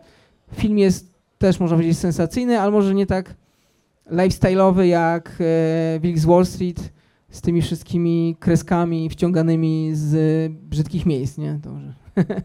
Ale to jara. Dla nie? Kogo brzydkich? Dla tego brzydkich. E, a jest teraz jakiś taki e, serial, który byś e, powiedział, że to jest dosyć fajnie pokazuje. A, pewnie chcesz powiedzieć o Billion, Billions, ale nie oglądałem. Nie, no ja chciałem zapytać się ciebie. No. Nie, nie oglądam jakby. Nie. Jakby w sensie, no nie wiem, co tam mógłbym wynieść, nie? Jakby czasu za mało jest na to. Em, no. To fundację zacząłem oglądać, Asimowa, kojarzysz? Taki, Nie. taki science fiction książka była, fundacja Isaac Asimov i wyszła właśnie na y, tym. A to w dzieciństwie oglądałem, znaczy czytałem, więc to wszystko, nie? Co tam sprawdzasz cały czas? Nasdaqa, wiesz, bo mam shorty i, i po Nvidia i tak patrzę, czy to leci w dobrą stronę, czy nie, nie? To jest mania? Musisz to cały czas skontrolować? Ja, ja jestem uzależniony, także, ale akurat rozgrywam, więc, a dzisiaj przyszedłem na Silent Disco, bo stwierdziłem, że teraz się wygadam, to potem będę mógł w ciszy sobie potańczyć, bo I Silent Disco... posprawdzać notowania. Nie, to już będzie po rynku, ale Silent Disco jest fajne, bo nie musisz z nikim gadać, nie? Także polecam ci, także jak się wygadasz, to będziesz mógł sobie Ale ja, ale ja lubię gadać. No, a mnie to, mnie, mnie to wypala, nie? W sensie, wiesz, co się, czym się różni introwertyk od ekstrawertyka, nie? Że ty się ładujesz ludźmi, a ja jako introwertyk te pokłady, które zbudowałem energii w samotności, je, je wypalam z ludźmi, nie? Jak jointa, nie? A uważasz, że jestem ekstrawertykiem? Ym, chyba tak, nie? Nie. Jeździsz Jestem- samochodem, zabierasz jakichś pasażerów na gapę, udajesz Bolta, myślę, że tak, nie? Szukasz przyjaciół. Ja uważam, że zupełnie na odwrót. E, kolega mnie nazwał, że jestem introwertykiem, który e, świetnie nauczył się ekstrawertyzmu i uważam, że w punkt powiedział. A, w jakiej temat. szkole to uczą? W rapie, czy... Nie, w szkole obserwacji jednego człowieka przez człowieka. Nazywa się ta szkoła życie. No dobra. No. Może jakieś pytania do ciebie? O, to jest fajne. Czy kapitalizm jest moralny? Tak. A ręka do góry. Czy kapitalizm jest moralny? Tak, dobra, ale nie. y, Czyli tylko tyle osób. Ile tu was jest? 200 osób i y, 20 podniosło rękę, że jest moralny. A czy socjalizm jest moralny? O kurde, trzy osoby, nie? A reszta co? Nie ma zdania? Czyli wszystko jest niemoralne, tak? Zależy jak się czym zarządza. No właśnie będziemy mieć debatę. Yy, przekonuję panią Jaruzelską, żeby poprowadziła, będzie Jan Śpiewak, odnośnie kapitalizmu i socjalizmu, czyli kapitalizm kontra socjalizm. Yy, spór między złem a złem. Także Okej, ale y, no to śpiewak i Jaruzelska mocne nazwiska. nie no, bo E, Jaruzelska jest fajna, bo ona jedną nogą siedzi w starym systemie i drugą w nowym, nie? Czyli widziała, co tam ojciec robił i widzi to, co teraz robią bracia. Jejku, jestem ciekawy, co ona widziała z tym ojcem. No, ale ona jest taka, no, myślę, że do, dobrą postacią. No bo y, cały dylemat polega na tym, że socjalizm jest skierowany do wszystkich, czyli do nikogo i wszystko jest wszystkich, czyli nikogo, a kapitalizm do wybranych i, i Nie, tyle. problem jest chyba w czym innym, w tym, że socjalizm generalnie e, na samym e, końcu jest utopią i że po prostu nie sprawdza się ze swoich powodów e, utopijnych, bo tak naprawdę to religijne nauki są bardzo socjalistyczne. Jezus był socjalistą, no przecież pomaganie innym i tego typu zachowania to są bardzo socjalistyczne. Natomiast jak tam to ryby wyłowił i zabrał pracę rybakom na przykład, nie? na przykład Tak. E, Zamienił wi, wi, wodę w wino, nie? i zabrał pracę winiarzom. No dokładnie, nie? Tak, to było Spowodował spadek cen, no bo jakby... Wiem. Teraz mnie przekonałeś, to był okropny człowiek. Eee, nie wiem, czekaj, jest ktoś fajny? Chyba nie, nie ma, wszyscy są okropni. A czyli szatan był kapitalistą w takim wypadku. Szatan był, wiesz co, jeszcze tym, nauczycielem. Przyniósł Mhm. światło. No dobra. Znaczy ja uważam Jezusa za filozofa, także jakby przykazanie miłości jest spoko, nie? Tak patrząc na to z perspektywy. No tak mi się wydaje, albo życzliwość do drugiego człowieka też jest e, całkiem okej. Dobra. Natomiast jak to powiedział Suworow w akwarium, e, socjalizm to jest to, co mamy mieć, a to, co mamy, to komunizm. E, no i e, w tym jest problem, że właściwie e, generalnie w tych krajach socjalistycznych, które my znamy, tak naprawdę to nie było nigdy socjalizmu, bo e, nikt nie był w miarę równy i był to po prostu totalitaryzm i tyle. Chyba nie wiem, czy się w ogóle udało nam stworzyć. Jest twoim zdaniem jakieś e, miejsce, gdzie jest e, sensowny socjalizm? Skandynawia? Znaczy nie, no jakby wszystkie państwa w tej chwili idą w kierunku jakiegoś socjalizmu, ale ja to rozpatruję w kategoriach konkurencyjnych. Jakby ym, politycy próbują robić ym, czarne, białe, a świat jest bardziej y, szary i jakby z punktu widzenia spekulacji to zastanawiamy się, czy dany system nie jest idealny albo y, jest jakiś zły, tylko czy przy tych przepływach kapitałowych, do którego lepszego o trochę nawet systemu płynie kasa, bądź z którego wypływa. I tylko to się liczy, tak jak pomiędzy złą monetą a, a dobrą. Więc my nie musimy analizować, czy Ameryka jest taka super dla wszystkich i czy tam, jak to w Perelu mówią, czarnych biją, czy tam są narkomanie, narkomanie czy, czy jest po prostu lepsza dla e, osób posiadających kapitał i pod tym względem to tylko i wyłącznie analizować. Bo jakbyśmy na wszystkich płaszczyznach to analizowali, no to by wyszło nam takie masło maślane i nie, doszli, nie doszlibyśmy do jakichkolwiek wniosków, które wpływają na rynek i dlaczego ta Ameryka, pomimo tego, że jest taka zła, no jeszcze się nie zawaliła, nie? A te rosyjskie spółki, które były tak perspektywiczne przed wojną, dlaczego były wyceniane tak słabo, nie? I tak samo chińskie obecnie te indeksy y, nie rosną, no bo jednak chcielibyśmy mieć coś pewniejszego, namacalnego i, na, i za tym stoi jakiś system i ten system się sprawdził i działa, a nie coś tak ulotnego jak e, przyrzeczenia komunistycznej partii Chin i Putina i, i, i, i, oligarchów, nie? Więc jeśli jakby spojrzymy na kapitalizm, to ja tak, tako, takie zadanie dla was jakby yy, mentalne, bo ja uważam, że żyjemy mm, w takim poddaństwie, czyli to nie jest system wolny i on taki nie ma być. Jakby, żeby zanalizować go dobrze i do jakichś takich konkretnych wniosków przewidujących przyszłość dojść, trzeba zbudować jakąś platformę do rozważań.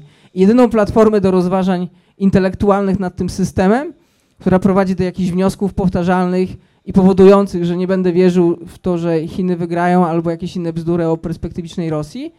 Jest to albo też o tym Nasdaqu i, i, i, i, i rozwoju tego kapitalizmu, gdzie, gdzie co roku myślimy, że to wszystko upadnie.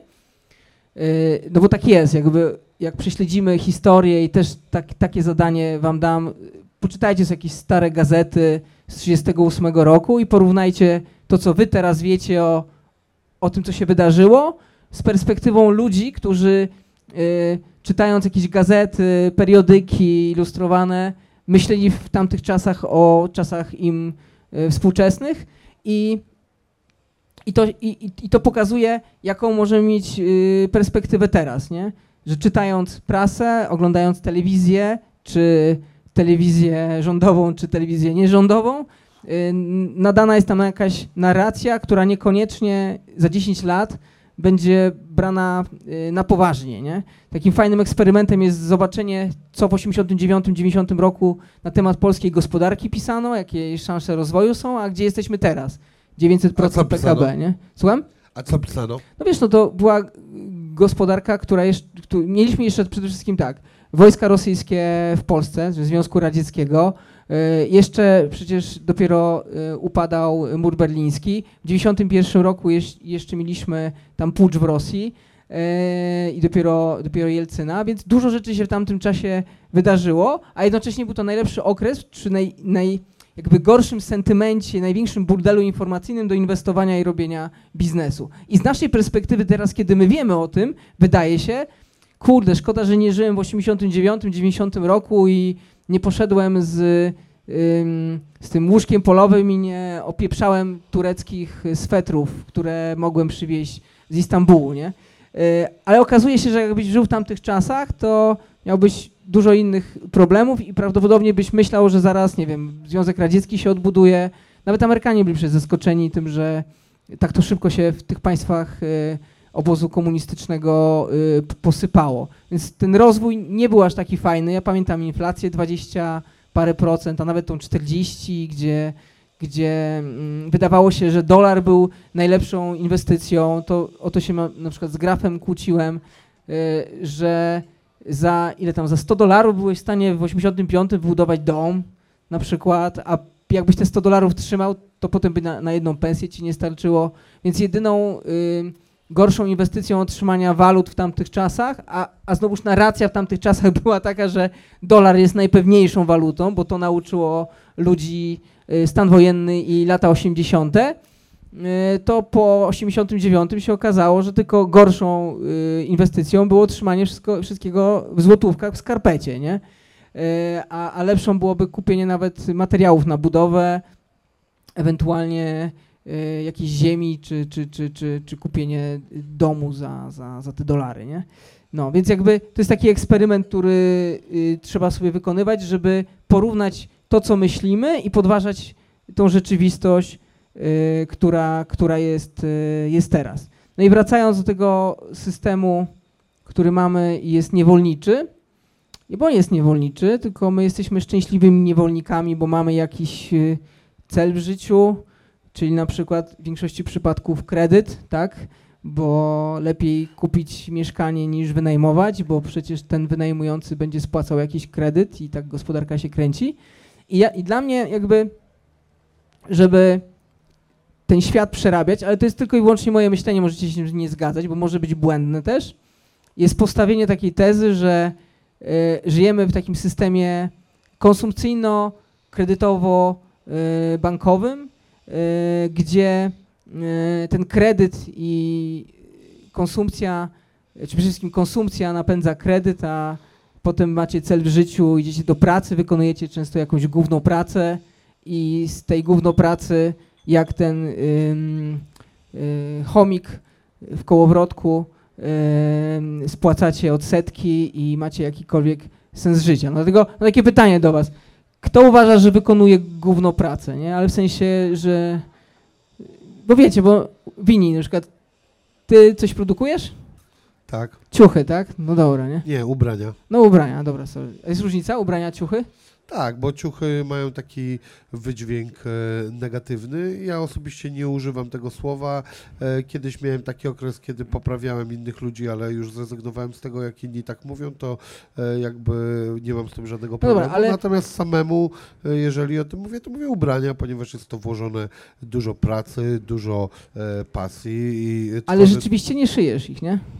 E, Osobiście nie. Czy ktoś je uszył, a ty je dalej odsprzedajesz ze swoją metką? Tak, jest to e, e, też w ogóle bardzo ciekawa rzecz, na ile się zmieniły dzisiaj czasy wobec czegoś takiego. Teraz w Louis Vuitton, w Louis Vuitton Pharrell Williams został headem i e, ktoś tłumaczył świetnie, jak to kiedyś jeszcze e, 10-20 lat temu nie mógłby być e, headem e, LV, a teraz już może być i nie musi nic umieć szyć. Natomiast zawsze ci główni nadzorcy dużego domu modowego byli specjalistami od szycia i wszyscy tacy ludzie jak Dior, jak Coco Chanel, ci, którzy zakładali te duże domy Yves Saint Laurent, to byli wszystko e, świetni specjaliści od szycia. Każdy z nich był w stanie usiąść do maszyny do szycia w każdym jednym momencie i uszyć dowolne rzeczy i był zazwyczaj w tym e, wręcz wybitny, albo przynajmniej dobry, albo dobra. Natomiast dzisiaj już tego nie potrzeba, bo świat się zmienił, jest zupełnie dużo większy team, e, który nadzoruje zazwyczaj takie duże marki i tak dalej, i tak dalej. No ale jakby reasumując, duża część e, twojego teamu ewentualnie e, nie szyje, tylko raczej obsługuje to, ktoś coś wytworzył i nadaje temu jakąś wartość marketingową i z tego między innymi z tej powiększonej marży, marży żyje, bo pomimo wzrostu wydajności ceny ubrań e, nie spadły, ale też się ulokowały na różnych półkach cenowych, chociaż różnica pomiędzy Wzrosły. no tak, tak, ale chodzi o to, że y, koszty produkcji spadły, bo jest większa Wzrosły. wydajność, ale nie, mówię o tym w stosunku do y, robo, roboczo osoby. Tak, ale bawełna strasznie podrożała na przykład. No tak, ale jakby a, abstrahując od tego, to, to jest taki sam czynnik jak w rolnictwie, że z jednego hektara pozyskiwałeś kiedyś jedną tonę, teraz bywa, że i 10 ton, Znaczy, więc no nie do końca tak jest. No jednak zależy w jakim oczywiście okresie e, czasu będziesz to e, mierzył. Jeżeli będziesz to mierzył w przeciągu ostatnich 10-20 lat i jeszcze w jakiej lokacji e, też. Czy to sprawdzasz ceny w Polsce, czy w Chinach, czy jak również gdzieś tam wspominałeś, już są przesuwane te miejsca.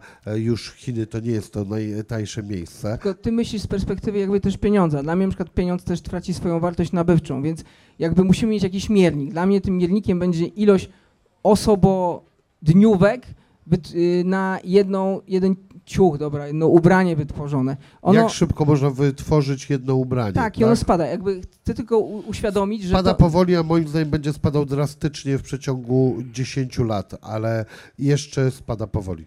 No, ale jakby wracając do tego meritum, my możemy to w, duży, w małej skali zaobserwować i w dużej. W dużej skali to po prostu w PKB, czyli sprawdzić, e, jakie sektory gospodarki ile tego PKB wytwarzają. Czyli moglibyśmy powiedzieć, że 60% w Polsce w latach 20. to było rolnictwo. Czyli 60% masy pracującej ludzi pracowało, żeby nakarmić siebie i całą resztę. Nie? W tej chwili to jest jakieś 5 czy tam 10%, w Stanach 1%. Więc zobaczcie, że pomimo y, wzrostu takiej wydajności y, i dzięki temu mamy mm, no, żywności w brud, nawet ona się, można powiedzieć, marnuje, y, nadal ludzie mają jakąś pracę. No i gdzie tą pracę znajdują? W sektorach usług, które na różnych poziomach już są rozbudowane y, i często też niepotrzebne. Nie? Ja pamiętam w 93, nie 5 roku podczas wyborów y, martwiono się 400 tysiącami urzędników państwowych. Nie? I w tym samym czasie wzrosła wydajność, można powiedzieć, obiegu dokumentów poprzez informatyzację w latach 90., a liczba urzędników wzrosła. Nie? Mamy chyba nawet powyżej miliona ich w Polsce zajmujących się przekładaniem papierków z miejsca w miejsce. Ale teraz ja dążę do tego, że to nie jest złe, tylko to jest efekt wzrostu y, wydajności.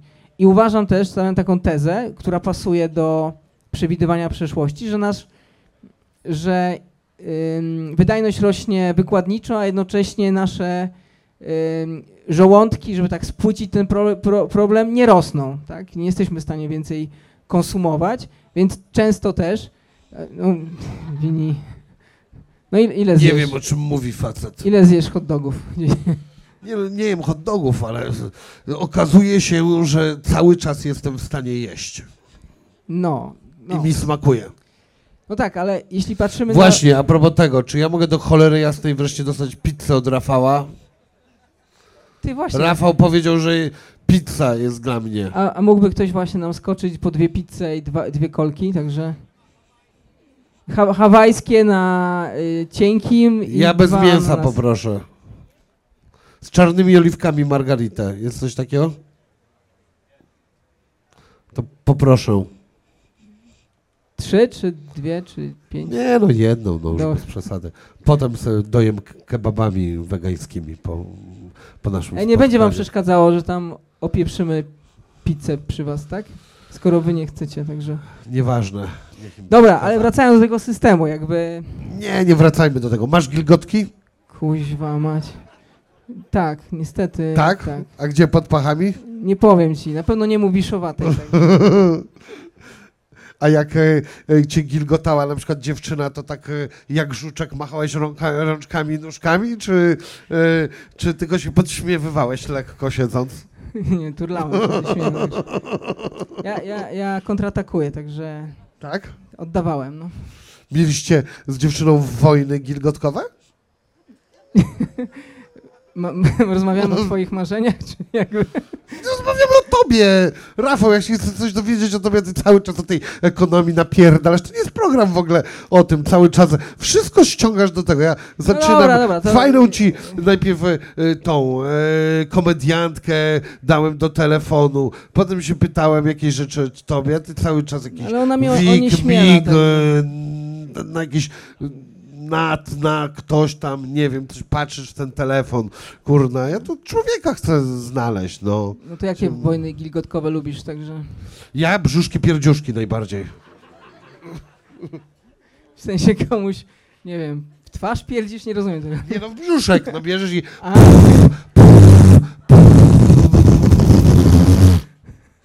no dobrze. I to wszystko z gry wstępnej, czy coś jeszcze? Nie, to jest, na ile to jest deser. A, okej. to, to już jest po, tak? Także... Nie, nie, nie, nie, nie dzielę takich rzeczy na po, w trakcie, czy coś. Ale coś może być na rzeczy, bo się zarumienił, także... Masz mnie. Dobra, kurna, czekaj. A w ogóle w rapie, tak jak jeździłeś po tych koncertach, to Wianuszek y, tych takich grupis się za tobą ciągnął, czy nie? Nie, jak słuchaj, długi ja ogóle, miałeś? Ja w ogóle miałem w życiu mało koncertów, więc y, ja zawsze też mówiłem, że wiesz, to nie jestem pełnoprawnym raperem. Y, ty jakby nie interesujesz się tym, jak również tym, co mówię teraz, ale y, generalnie to nie, tak to nie wygląda. To wygląda jak y, faktycznie grasz dużo koncertów i, y, i twoja muzyka jest popularna, wtedy tak wygląda. Na przykład, ale jak o to pytasz, to to jest ciekawe, e, bo na przykład stand-uperzy No, mają, gówno mają, a nie grupis. nie? Nie, słuchaj, chłopy wychodzą, 5 tysięcy ludzi, wracają do siebie i siedzą sobie w czwórkę i opowiadają kawały. Nic, nikogo, ani jednej dziewczyny. Myślałem, że po pracy się nie gada o pracy, także... I to jest, no słuchaj, byłem też na e, tym, na zakończeniu stand-upowej e, imprezy po wielkim show tour. Nic się nie działo. Dziewczyny przyjechały. A nich. Biszowa tam ma swoje grupis, czy nie? Nie wiem, trzeba byłoby się zapytać e, Wiszowatej. No, mam nadzieję, że już dwie ma. Tak, dobra. Dobra, następny temat. Wolałbyś ten e, się e, teraz działać i urodzić w Rosji czy w Chinach? Yy, o kurde. Gdzie ci byłoby gorzej? Nie wiem, chyba w Chinach lepiej, nie? Byłbym Chińczykiem. Yy, co ja bym tam coś produkował w fabryce. Nie wiem. Ale takie pytania, wiesz, no urodziłem się tu, gdzie jestem. Nie, właśnie, bo to pytanie ma pewien cel. A ty tak? gdzie? Rosja czy... Ja A nie, bo z drugiej absolutnie strony... Chiny. u- powiem ci, łatwiej by mi się chyba Ros Rosję było, było w stanie zrozumieć. Naprawdę? No, piłbym wódę, biłbym swoją kobietę. Ja, ona by się cieszyła, jakbym ją nie pobił.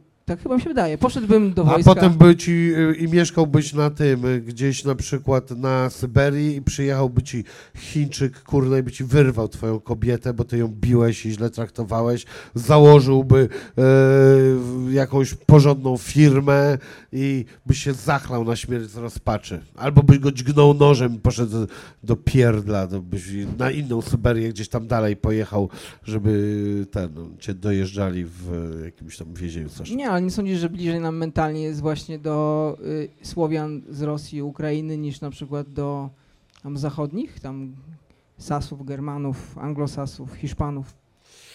Nie, ja uważam, że my jesteśmy świetnym środkiem, jesteśmy ide- idealnym narodem, najlepszym ze wszystkich. Dobra, czekaj, ale sprawdzimy to. E, Kto by chciał się w Chinach urodzić, ręka do góry?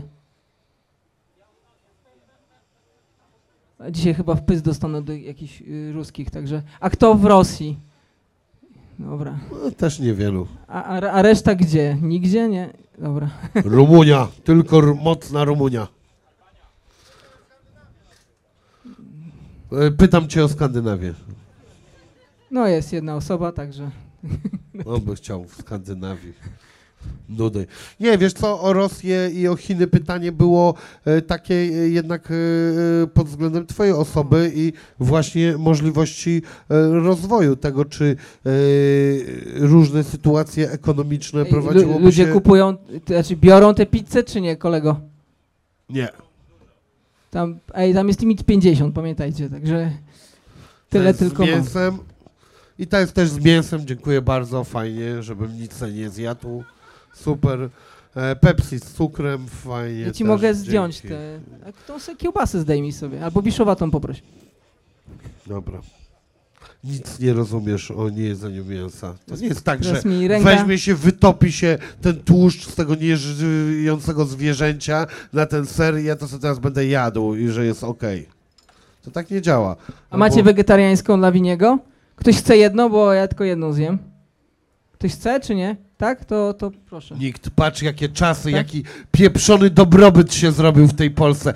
Kto by w tym 89 przypuszczał, że przyjdzie tutaj pod Wisłę w 23, e, nie wiem, kurde, no nawet dużo was jest, dużo ludzi i nikt prawie nie będzie, będzie trzeba prosić kogoś, żeby pizzę wziął. Przepraszam. A są jakieś pytania? W ogóle mu tak gadamy sobie bez sensu. No właśnie o to chodziło, no, to jest mój format. Umniejszasz mu. Czekaj, mam pytania, zadałem, myślisz, że On nawet się nie on przygotowałem nawet na półtorej... pierwszej kartki nie zaczął, także. No wiem, bo potem. No dobra. Jesse y, Liv, Livermore, tam twój idol, to on co? On e, teraz. te Strzelił sobie w łeb. Także. O. Te jego rady to teraz są super, czy świat już tak się zmienił, że one są nic nie warte? Nie, on w 29 skończył karierę i potem była komisja Pekora w 34 i te jego metody spekulacyjne przestały działać, no bo był też manipulantem giełdowym, więc jakby... Ale przywidział kryzys i rozegrał go, więc szapoba. No i co? Tam czwarta żona... Nie, tak. Yy, go załatwiła. Znaczy, tak całkiem przypadkiem był chyba czwartym jej mężem, który popełnił samobójstwo, także dobry patent. Ale e, dzisiaj e, jest taki jego tam periodyk e, całkiem niedługi o tym, jak on na, uczy tam, jak grać na tych giełdach, coś tam robić, żeby zarabiać pieniądze, to, to w ogóle warto czytać? czy Nie, bo on napisał na końcu książkę How to Trade Stocks chyba i próbują ją wydać. Była tak zła, że sobie strzelił potem w łeb i no chyba się spłukał i nie miał kasy, więc zaczął sprzedawać książki. No to, to jest ciekawa postać, bo to nie jest postać godna naśladowania, ale ma wszystkie demony typowego inwestora giełdowego z wzlotami i upadkami, nie? Dlatego jest taka popularna. Oczywiście ci tacy jak Bernard Baruch są mniej popularni, ale w jego żywocie jest wszystko, co nas może wzmocnić i co ma, nas może zniszczyć, nie? No, krótko mówiąc. Czyli y, ten audiobook, ja chciałem go przeczytać przed y, rozmową z tobą właśnie, żeby być taki mądry i elokwentny i coś tego, a potem stwierdziłem, że posłucham sobie muzyki. E, i, czyli nie muszę już tego czytać, w ogóle do niczego mi nie jest potrzebne. Nie, nie. Dobrze. Znaczy nie wiem, no jakby ja się nie znam tak mocno. Dobra, są jakieś pytania? Nie, nie ma. E, ty, o, y, mam pytanie, jedną rzecz, właśnie, chciałem, czekaj, zrobić tu promocję małą. E, słuchaj, e, a jakie ty cele na przykład lubisz wspierać, jak wspierasz charytatywne, to że, że kogo tak najbardziej? Miałem taki głupi pomysł, żeby rozrzucić ten milion na krakowskim, ale przygłosowali na Twitterze, czy dobrze, żeby przekazać na cele charytatywne związane z Ukrainą i tam kupiliśmy trochę kamizelek. Jeszcze zostało nam chyba z pół miliona i teraz y, w integrację dzieci mm, polsko-ukraińskich, bo uważam, że, że jak oni zawiążą jakieś przyjaźnie w dzieciństwie, to potem może będą budować lepsze relacje w przyszłości, nie?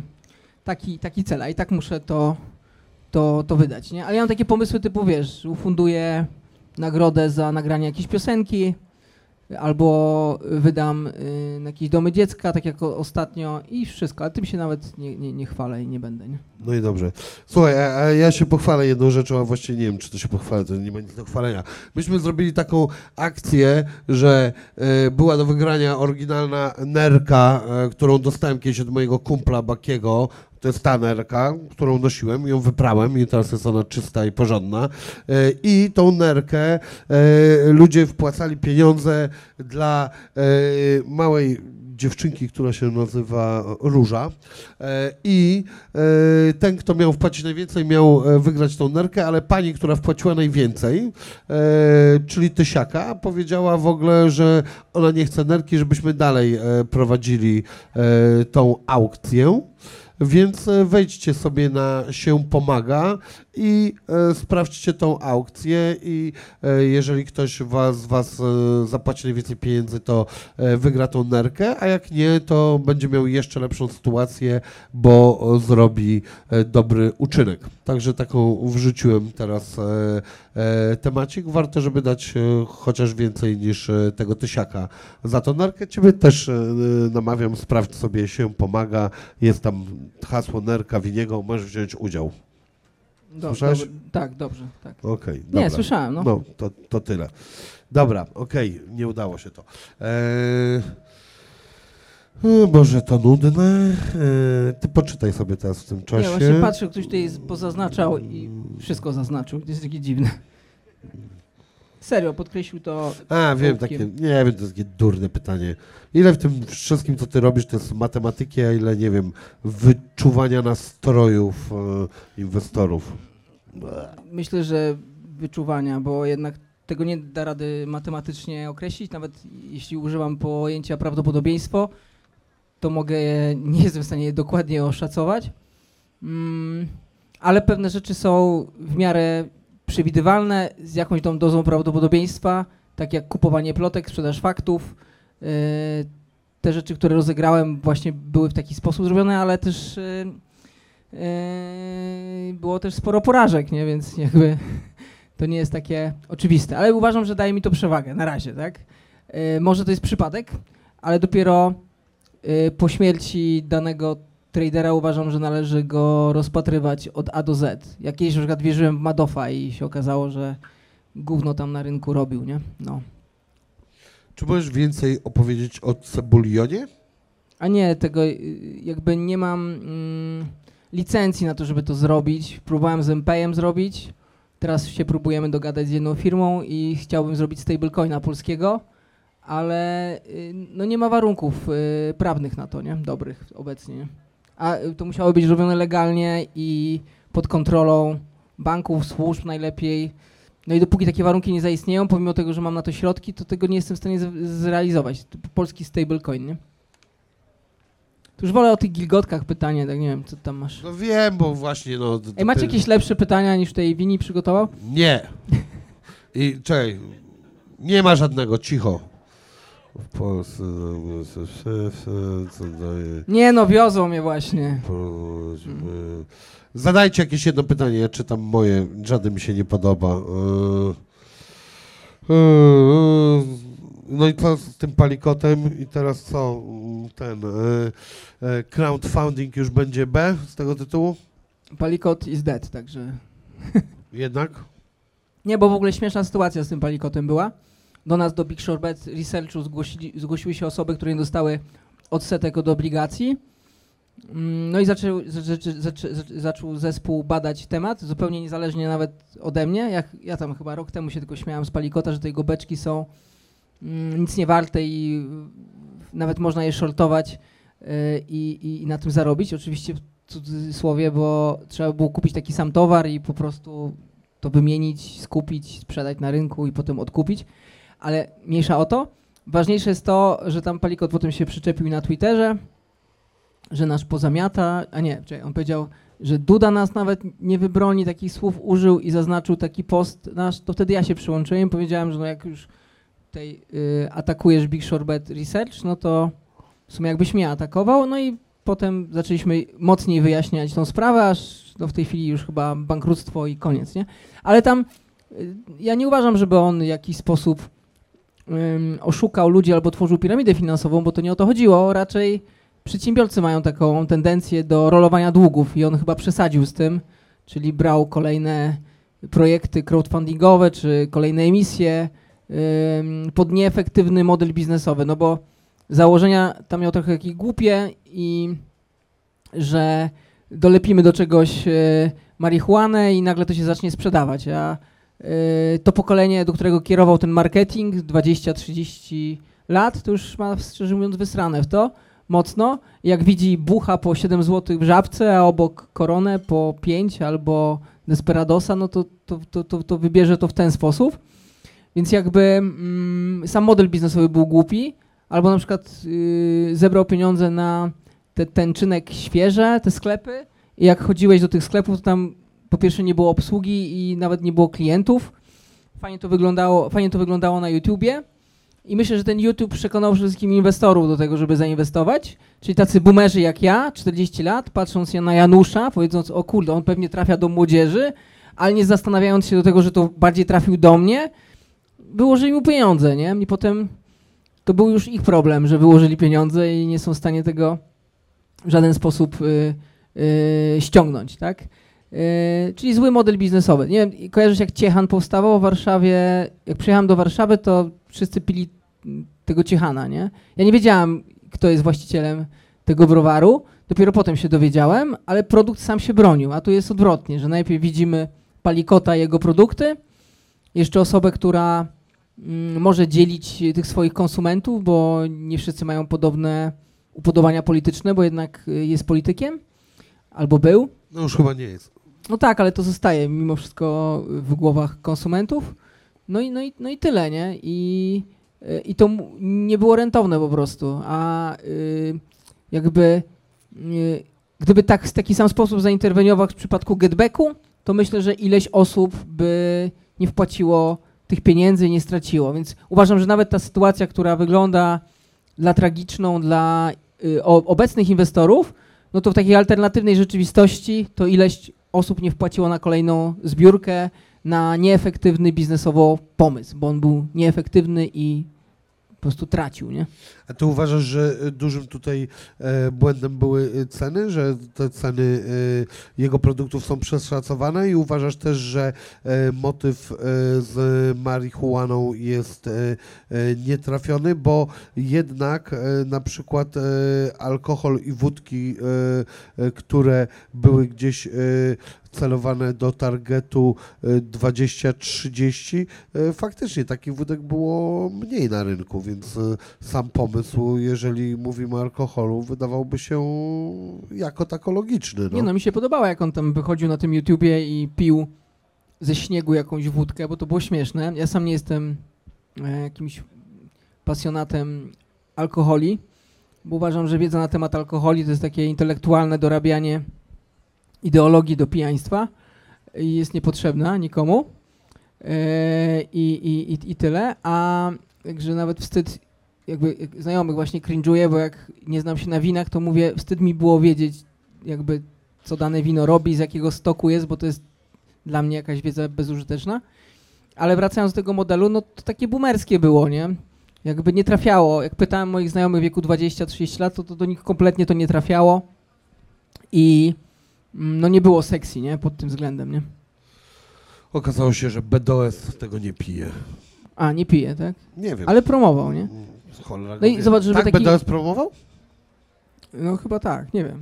Nie no, chodziło mi o co innego w tym, to nie chodzi o BDOS-a, tylko chodziło mi w tej wypowiedzi, że e, możliwe, że kampania powinna polegać jednak na prostej rzeczy, że opinii liderzy, czyli ci, którzy balangują, czyli e, ewentualnie raperzy albo różnego rodzaju e, ci no, śpiewacy, gdyby to spożywali, to wtedy by się to podobało i bardziej by się to podobało niż to, że jest w tym marihuanka. No. Ale wiesz co, ekipa chyba miała klip z tym buchem i to chyba nie poszło, nie?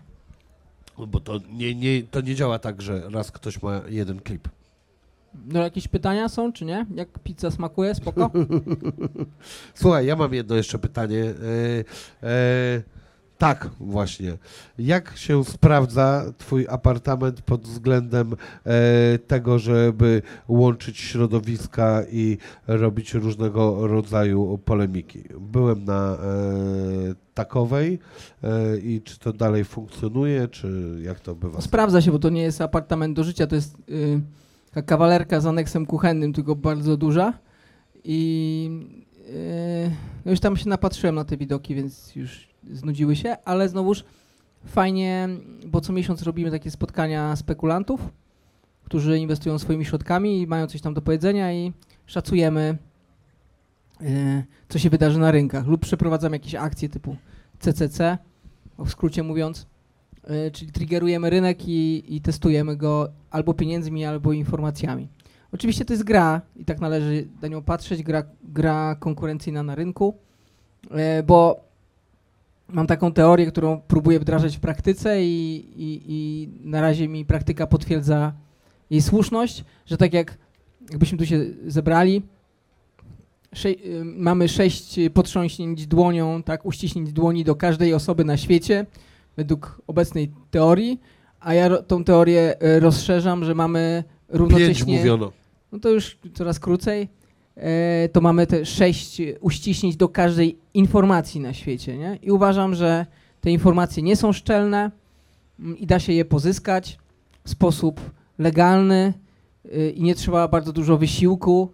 Ja myślę, że jakbyście chcieli wiedzieć albo rozkminić, jak na przykład, czy cud nad Wisłą zarabia, czy nie, no to tam byście to popili z barmanem i pewnie by sam wyśmiewał, jaka ta robota chujowa, albo jaka zajebista, nie? Także te informacje są, tylko trzeba ym, odpowiednio w nie się wsłuchiwać. Jak na przykład chcielibyście CD Projekt rozegrać, to trzeba było pójść na rekrutację, próbować się zrekrutować i co ciekawe, oni na tych rekrutacjach programistom mówili, z czym mają problemy, także jakby nikogo nie przekupywałeś, a, a z informacji się wypstrzykali, nie? I tak samo pod tym względem wszystkie informacje zbierane z satelit, jakiś wywiad satelitarny, zdjęcia tego typu. A jakie patrz- firmy ty sprawdzasz w ten sposób? Obecnie mamy teraz taką jedną na widoku, ale nie mogę mówić, bo to jest jednego z takich topowych ludzi w Polsce. Weryfikujemy, ale mam taki ochotę przeprowadzić akcję jak y, Hindenburg Research, to sobie możecie wyszukać, zrobił na Adani Group. Jest taka grupa biznesowa Adani w Indiach. Y, twórca jest o tym samym nazwisku, no i bardzo dużo ściemniał w księgach mm, i oni założyli najpierw shorty na, na Adani Group, a następnie opublikowali raport, który okazał się zresztą prawdą, no i zarobili dużo pieniędzy. I tak uważam, powinien działać rynek i tak rynek powinien weryfikować e, różne nietrafione pomysły, więc na każdego cwaniaka znajdzie się inny cwaniak, który będzie chciał zarobić na tym, że uważa, że jest cwaniakiem, nie? I dzięki temu rynek jest efektywny, nie? A y, masz jakąś taką historię dobrą do opowiedzenia, gdzie, nie wiem, właśnie przebrałeś się za jakiegoś, y, y, nie wiem, kandydata do pracy, albo zrobiłeś jakiś taki właśnie tego typu podchody na, tym poziomie i, i dowiedziałeś się ważnej informacji. Nie, kiedyś E. z Monari tak było, jak e, spółka padała, były już informacje o upadku, no to panie w sklepach, te kierowniczki mówiły w ogóle, że to spoko, jakby nie upadnie, bo znalazł się inwestor wcześniej niż ESPI, nie? Okej. I tak chodziłeś i rozmawiałeś. No, i akurat potwierdziłem parę rzeczy i zarobiłem na tym fajną kasę. Pierwszy raz taką, mm, z takiego, może powiedzieć, białego wywiadu. Też y, y, widziałem tą spółkę od środka, jak ona funkcjonuje pomimo narracji medialnej, że się zwija, to oni porządkowali swoje działy i, i rozbudowywali, więc jakby nie było, jakby weryfikacja tego, co jest w mediach kontra rzeczywistość, nie? I, i, i tyle. Zresztą uważam, że informacje z ESPI, z oficjalnych y, portali biznesowych, jak one się już tam ukazują, to już jest bez sensu w ogóle na nie patrzeć, ewentualnie kontrariańsko, bo to znaczy, że jeśli wy wiecie o tym, to wszyscy znajomi królika i po prostu wszyscy już o tym wiedzą, nie? Więc z góry takie informacje mm, y, nie należy y, rozpatrywać y, po linii cenotwórczej zgodnie z tą informacją, nie? Tak uważam. Prawdopodobnie e, ostatnie pytanie ode mnie. Czy e, w jakiś sposób swoją popularność keszujesz e, na swoim rynku spekulacyjnym? Czy to ci coś daje takiego no, finansowego? Czyli zastanawiałem się nad tym pytaniem, bo na przykład ja nie prowadzę żadnych kursów. U mnie nie zobaczycie pod filmami jakichś linków referencyjnych. Za występy nie biorę. O dzisiaj nawet wam pizzę kupiłem, także smacznego, bo nie lubię jeść sam. E, ale y, ten y, y, popularność można wykorzystać i to w bardzo fajny sposób. Dostęp do informacji. Bardzo dużo informacji jesteśmy w stanie zweryfikować. Jak jest grupa 60 tysięcy ludzi w Trading Jamie, ileś tam na Zello siedzi, to, to łatwo do, dojść do niej i ją ogarnąć przed wszystkimi, no bo jeśli chcesz wyszukać informacje spoza obiegu, tak jak teraz, e, o fabrykach, które się budują w Polsce, czyli na przykład z grupy Panatoni, obserwować, gdzie są przetargi, albo y, czy Amazon wysyła paczki, bo, bo masz y, tam ludzi, którzy pracują bezpośrednio przy wysyłaniu tych paczek. No i to nie są jakieś informacje tajne, ale przynajmniej może się zweryfikować. To jest łatwiej. Mi jest łatwiej dotrzeć do informacji, uważam, i ją zweryfikować. Nie? Tak jak w przypadku Palikota, to jak się ten konflikt nagłośnił, to jak Palikot sam nagłośnił jeszcze bardziej ten konflikt, jeszcze Gazeta Wyborcza napisała, że starcie tytanów, yy, atak spekulanta giełdowego na Palikota, no to jeszcze więcej informacji przyszło z jakichś tam anonimów i można było je weryfikować, nie? Aż do tego stopnia, że ja wiedziałem dokładnie, co tam się w środku dzieje, także nie, nie było z tym problemu. Czyli w Twoim przypadku, podsumowując, jesteś w stanie keszować swoją popularność e, dostępem do informacji. Z Tobą ludzie będą się dużo e, chętniej dzielić i ta grupa też e, zbudowała się dosyć duża wokół Ciebie. Tak, ale wiesz, to jest też y, ryzykowne, bo ludzie popełniają błędy, próbując mnie naśladować, a ja tego nie oczekuję. I potem wychodzą z tego jakieś oczekiwania. Jak, jak na każdym kroku powtarzam, ja piszę swoją historię, swój dziennik y, inwestowania razem z, z lotami i upadkami, jak ala bankructwo. Y, ale na, nie, nie należy tego po, y, jakby kopiować, bo ja mogę się w tej chwili nawet mylić w ocenie sytuacji USA-Chiny i jak rzeczywiście Chiny, nie wiem, wygrają za 5 lat, no to ja przyznam rację, tak? Bo dla mnie jest prawda najważniejsza, czyli to, co rynek rozstrzygnie i nie będę się kłócił mm, z faktami. Na, nawet jeśli komuś się wydaje, że mam jakieś turbo ego, nie? Ale no, jest takie powiedzenie giełdowe, rynek rozstrzyga wszystko yy, i, i, tyle, nie? Yy, taką popularność można jeszcze wykorzystać do testowania rynku informacjami.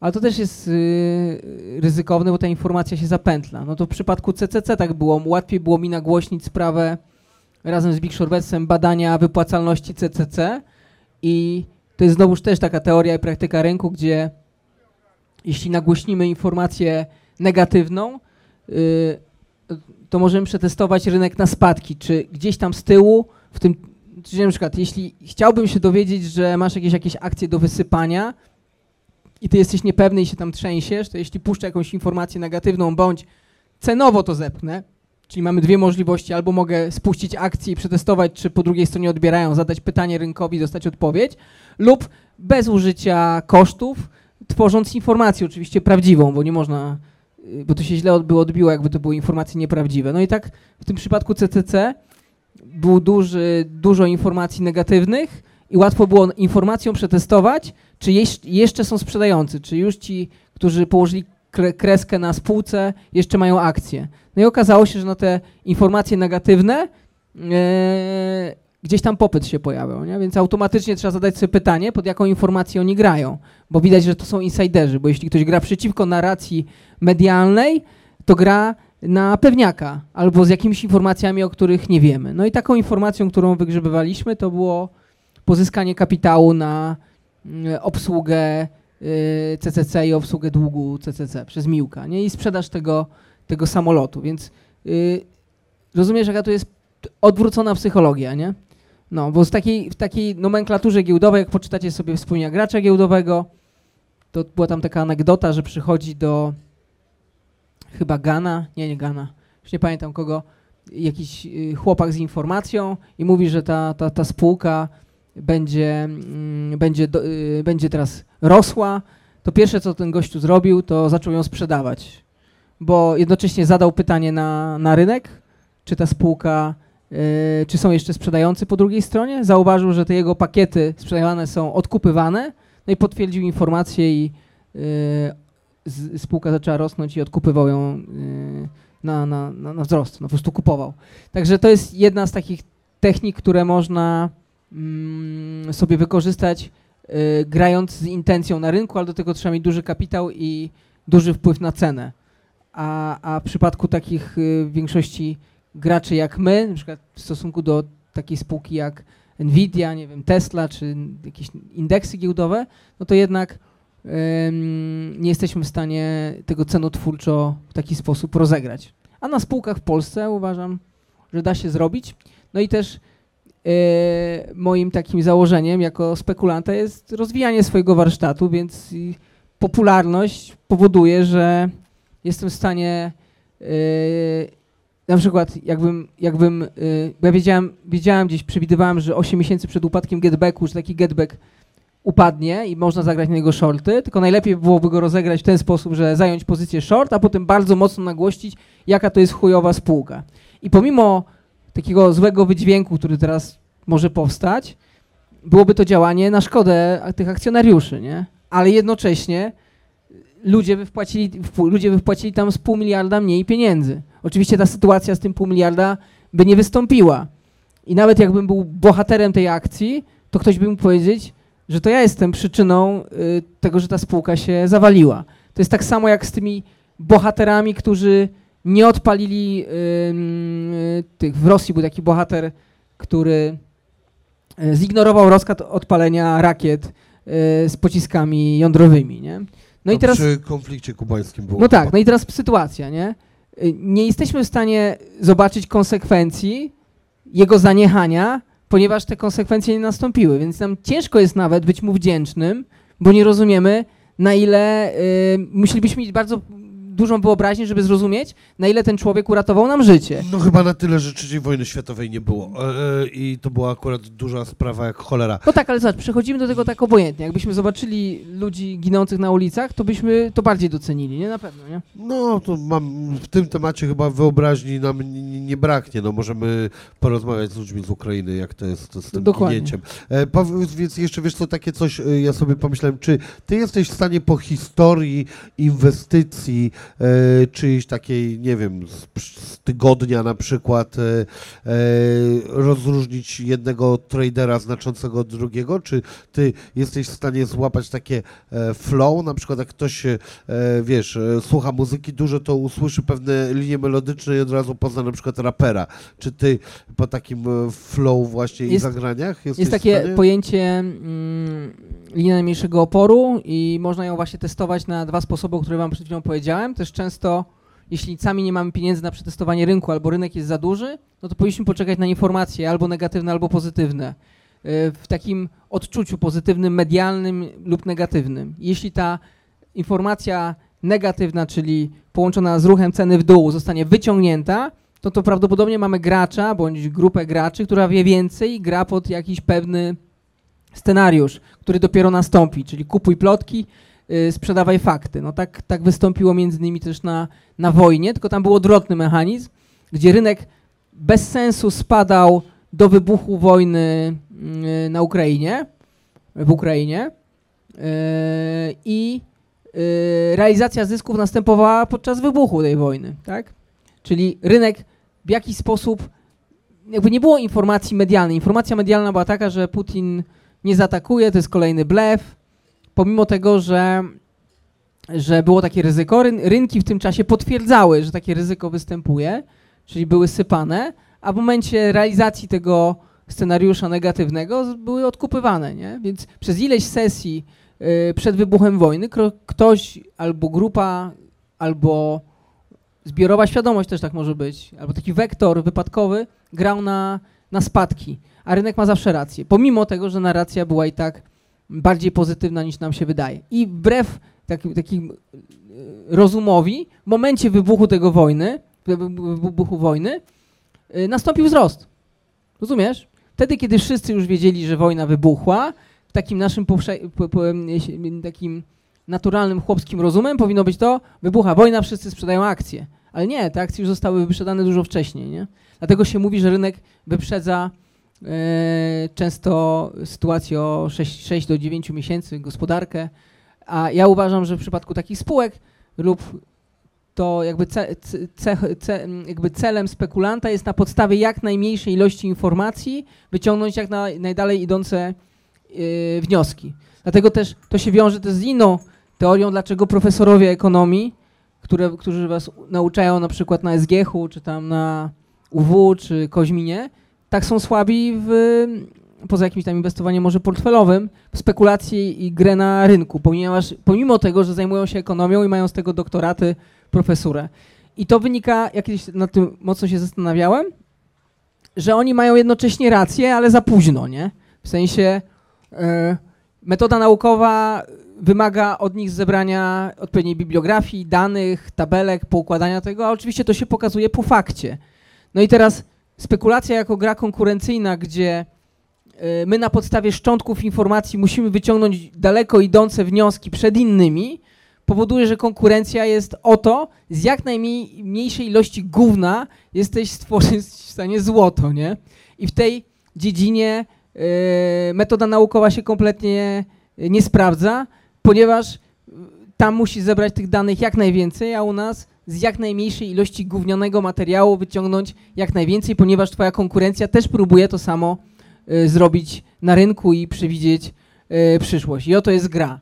Dlatego też z podejściem naukowym, no ciężko nam jest y, do giełdy podejść, nawet jeśli naukowcy biorą się za metody ilościowe, czyli sobie podzielą rynek statystycznie, to im wyjdzie rozkład normalny i powiedzą, że to jest zbliżone do chaosu i że rynek jest e, efektywny, e, ale tak e, do końca nie ma, bo jeśli spojrzymy na ten rynek zgodnie z tą teorią sześciu pod, potrząsień dłonią i tych informacji, które jesteśmy w stanie pozyskać poza rynkiem, to wtedy patrzymy na tą monetę, którą, którą losujemy i widzimy, i widzimy jej wagę, jej moment pędu, jej prędkość, położenie początkowe i jesteśmy w jakimś stanie przewidzieć, czy ona upadnie na reszkę, czy na orzeł. I to jest różnica pomiędzy twierdzeniem o nieefektywności efektywności rynku, gdzie jesteśmy w stanie zmierzyć e, albo pozyskać informacje, których nie mają inni uczestnicy rynku, kontra y, myślenie ilościowe, gdzie na końcu już badamy efekt i rzeczywiście wychodzi nam, nam chaos, nie? I po, pozornie te dwa podejścia są poprawne intelektualnie i logicznie, tylko trzeba na to spojrzeć z dwóch różnych perspektyw. Y, Z jednej statystycznej, ilościowej, gdzie nie mamy informacji na temat warunków początkowych układu, a drugą, gdzie mamy y, jakiś wgląd w, w początkowe wartości układu, czyli w naszym przypadku spekulanta, spytanie się programisty z CD Projektu, czy ta gra się, czy nie się, nie? Na PS tam 4, nie? I tyle. Pięć. 4 to było chyba wtedy jeszcze na Aha, czwórce, nie? Dobra. No, także, także jakby ta perspektywa trochę już lepiej ludziom wyjaśnia, dlaczego jedni twierdzą, że rynek jest efektywny i zbliżony do chaosu, a znowuż spekulanci twierdzą, że gówno prawda jest inaczej, tylko że po prostu nie umiesz szukać, nie? I że już dowiedziałeś się o wszystkim za późno i wyciągasz y, y, wnioski, jak już my to wiemy. Jest takie powiedzenie zresztą rynkowe, powiedz mi coś, czego nie wiem. Bo jak powiedz mi coś, czego nie wiem, to może ma to jakikolwiek wpływ, a jak ja już to wiem i jest to na rynku, wszyscy o tym gadają, to nie ma to najmniejszego cenotwórczego znaczenia. A tobie często proponują, żebyś wykłady prowadził na uczelniach i za, za, zamienił się z tymi teoretykami? Nie, no bo to jest. Czyli mam jakieś propozycje, ale ja, ja nie jestem po pierwsze naukowcem. Po drugie, moje teorie są nadal teoriami, które próbuję wdrażać w praktyce. Jest to y, spekulacja, to jest gra konkurencyjna.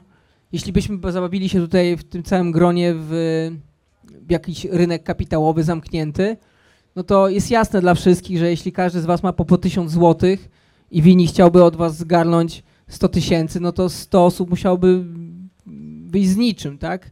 no bo suma kasy w tym obiegu jest, jest taka sama. Oczywiście zawsze by zarobił bar, czyli tutaj pośrednik, broker, bo każdy by chciał się napić i, i musiałby z, żyć, nie?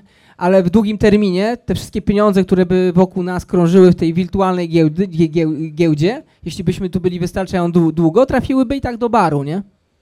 I tak i na tym polega też y, spekulacja, że te pieniądze wypływają do systemu bankowego i do pośredników. E, i, i, I tyle, nie? Dlatego w przypadku taniego pieniądza mamy hossę, a w przypadku wysokich stóp besse, nie? To była odpowiedź na to, czy masz propozycję uczenia w A, szkole. sorry, no tak, rozwinąłem. Dobra, proszę Państwa, zadajcie jakieś naprawdę konkretne pytanie, bo jak widzicie, nadaje się tylko do gilgotek. Czy, Wasza ktoś, kolej wreszcie. czy ktoś was w grze wstępnej używa, jak ktoś nazwałeś? Coś, Brzuszki Dobra, pierdziuszki. słucha, słuchać mnie? Dobra, ja mam takie pytanie, które Ty. nie daje mi spokoju. ty, Ja- ty, ty używasz ym, brzuszków, pierdziuszków? Znaczy, Co, Nie, słabo od słychać, razu tak? mineta. ale z pierdziuszkami czy bez? Dobra, jak to, co mówiłeś o spekulacji... Mineta robi pierdziuszki. Jak to, co mówiłeś o spekulacji i przewadze informacyjnej, ma się do tego, że masz teraz, miałeś teraz shorty na Nasdaqu. Chodzi mi o to, że nie wierzę w to, że długoterminowo można zarabiać na tak szerokim i tak płynnym rynku jak Nasdaq, nie posiadając żadnej przewagi informacyjnej, no nie? Wiesz o co mi chodzi? Że nie ma na przykład, nie słyszałem o miliarderze czy właścicielu funduszu inwestycyjnego, który zarabia bez przewagi informacyjnej. Uważam, pra- że to jest to niemożliwe prawda. w długim terminie. To prawda, Ale... I zastanawiam się, po co to robisz? W day trading, znaczy ja muszę czuć rynek codziennie. To jest tak jak y, mam co jakiś czas bardzo duże strzały, tak jak rok temu bardzo dużo się działo na rynku i były to strzały po ekstremach. I te ekstremalne sytuacje są lepsze do przewidzenia, gdzie są maksymalne emocje, czy to panika, czy euforia. Teraz jesteśmy w takim środkowym etapie rynku, ja zbytnio tu się nie nadaję. A co do odpowiedzi w day tradingu, jest to bardzo ciężka gra. Jednocześnie są powtarzalne nie tyle schematy, co y, jakby rynek nie jest homogeniczny, czyli jak patrzymy, patrzycie na analizę techniczną i pewnie wykres wydaje się taki sam, no to za tym wykresem stoją decyzje jakichś inwestorów i one też są y, zmienne w czasie, nie? czyli ta koncentracja tych zleceń jest na otwarciu, czyli na przykład jak się otwiera y, DAX o godzinie 9 i na zamknięciu o 17.30, y, pośrednio też coś się dzieje, są jakieś dane, więc jesteś już w stanie na tej nieefektywności trochę namieszać. Poza tym też ktoś tam powiedział kiedyś chyba Kostolany, nie, że indeks giełdowy to jest to jakby pójść do szpitala, zmierzyć y, wszystkim temperaturę, wyciągnąć z tego średnią i na tej podstawie stwierdzić, czy wszyscy są zdrowi, czy, czy chorzy, nie? No i tak, i tak, tak to wygląda, ale day trading jest jedną z najtrudniejszych sztuk i na końcu uważam w większości przypadków stracisz pieniądze, więc i tak musisz to, to działać w jakimś kontekście, tak jak wczoraj była Nvidia, e, informacje były już znane, ukazały się po sesji, to też jest jedno z takich zagrań, gdzie rynek był mega wykupiony na kontraktach terminowych y, w nocy z dużym prawdopodobieństwem można było wstawiać spadki, nie? No. Ale masz rację, nie? Pod tym kątem się z tobą zgadzam, nie? Są jakieś pytania jeszcze, czy nie? Tam była pierwsza osoba, ale dobra. A, jednak.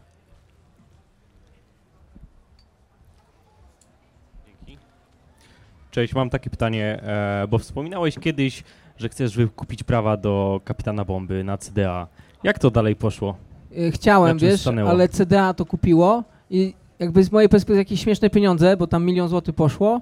No i teraz robią skarpetki, nawet mi wysłali, całkiem fajne, ale się okazało, że prezes CDA jest takim turbofanem jak ja i on tego nie odda po prostu za żadną, żadną kasę.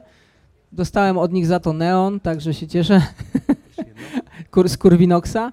No ale Kapitan Bomba to jest taki fajny mózgojeb, który może w czasie tradingu trochę cię ogłupić, żebyś nie myślał o mądrzejszych rzeczach, czyli przeciwstawnych pozycjach. Dobra. I jeszcze jedno mam pytanie do Winiego, bo prowadziłeś już e, wywiad z Fagotem i teraz pytanie, czy planujesz wywiad z Bartoszem Walaszkiem? Jem pizzę. Ale No dobra, niech ci będzie. E, słuchaj, z nim się chyba nie da. E, to jest taki e, problem. E, e, pytałem kiedyś Połacia, żeby go namówił, ale coś się nie udało. Może podejmę jeszcze raz taką próbę. Dobra, kolejne pytania, ale najpierw każdy z was musi odpowiedzieć, czy używa w grze wstępnej, co tam, pierdziuszków, tak? Ja nie mówiłem, że w grę wstępnej. Ty się uparłeś na tą grę wstępną. A ja mówiłem, że to może być pod koniec albo w trakcie. Wcale to nie A, musi okej. być początek. Chciałbym rozbudować taki swój arsenał środków, Dobra. także... Ja nie używam tych pierdziuszków, ale ja mam pytanie. A może ktoś na nadal- tobie użył? Nadal masz złe zdanie na temat tych, którzy sprzedają kursy w internecie?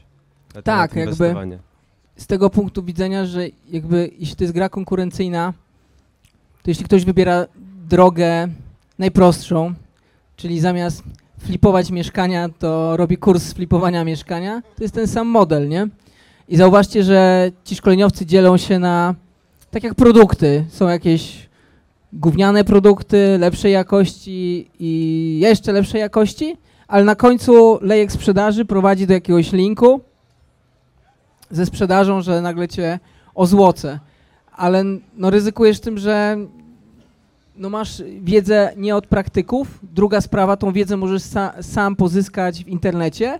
A kolejna rzecz, jeśli sam jej nie jesteś w stanie wyłuskać, to żadne szkolenie ci nie da przewagi, nie? Na tak konkurencyjnym rynku. Że już wpadasz w pewien schemat, że musisz płacić za informacje, ewentualnie za analizę tej informacji albo sposób myślenia, a cała gra polega na tym, że ty byś sam musisz dochodzić do pewnych wniosków, a nikt cię tego nie nauczy, tylko praktyka, nie?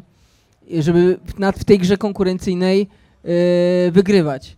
Więc może to cię usteczni, tak jak, nie wiem, jakieś książki motywacyjne, konsumowane setkami, kupujesz kolejną książkę, myślisz, że się zmotywujesz i, i traktujesz to jako narkotyk, przeczytasz ją, zrobisz 100 afirmacji i czekasz, nie? Aż te afirmacje się spełnią, a trzeba ruszyć dupę i po prostu je zrealizować. Więc jakby rozumiesz o co mi chodzi, nie? A jak sobie na przykład rozbijesz tych szkoleniowców na, o, jest szkoleniowiec, który z grupy ludzi łapie tych, którzy jak pomachasz im banknotami przed mordą i Lambo, to kupią, klikną, kup. Drudzy tacy bardziej sprytni, inteligentni, oni mówią, nie, no w takich nie uwierzymy, ale jak gościu już przedstawi jakieś pseudodowody, że coś tam zarabia, to okej. A trzeci najbardziej tacy wyrafinowani, to nazywają się traderami XXV wieku, chociaż grają w Excelu, bardzo mądrze i inteligentnie gadają, bo rzeczywiście są przygotowani do tego jako, jako mówcy. No i na takich inteligentnych naj, naj, najlepsza jest taka pseudopapka. Ale na końcu jest to samo, jakby lejek sprzedaży do, do y, kliknij, kup jakiś kurs, jakąś książkę, coś ci opierdolimy, nie? Y, oczywiście różna grupa y, osób, do której to, to, to, to trafia. Przecież Warren Buffett się z tego śmieje, y, Manger się z tego śmieje, że skoro zarabiasz na rynku, to, to, to po co opierdalasz szkolenia? To jest bez sensu. Skoro jesteś na rynku, w której skalowalność tego biznesu jest y, chyba największa na świecie, możesz to wyskalować. no, no, Cud, cud, cud nad Wisłą no, musiałby postawić drugą budę, trzecią bu- budę w każdym mieście, żeby się wyskalować, a tu na rynku po prostu zwiększasz tylko i wyłącznie wolumen i, i jak masz rację, to zarabiasz więcej. Więc jaki jest y, cel y, y, poświęcania takiej ilości czasu w szkolenie ludzi? No w taki, taki cel, że Może nie jesteś w stanie na rynku zarobić. Może jeżeli ktoś nie, nie robi tego dla pieniędzy, tylko dla takiej satysfakcji, że nauczył jakieś duże grono ludzi, to może dlatego. Ja robię to dla satysfakcji, jeszcze wam pizzę stawiam, także...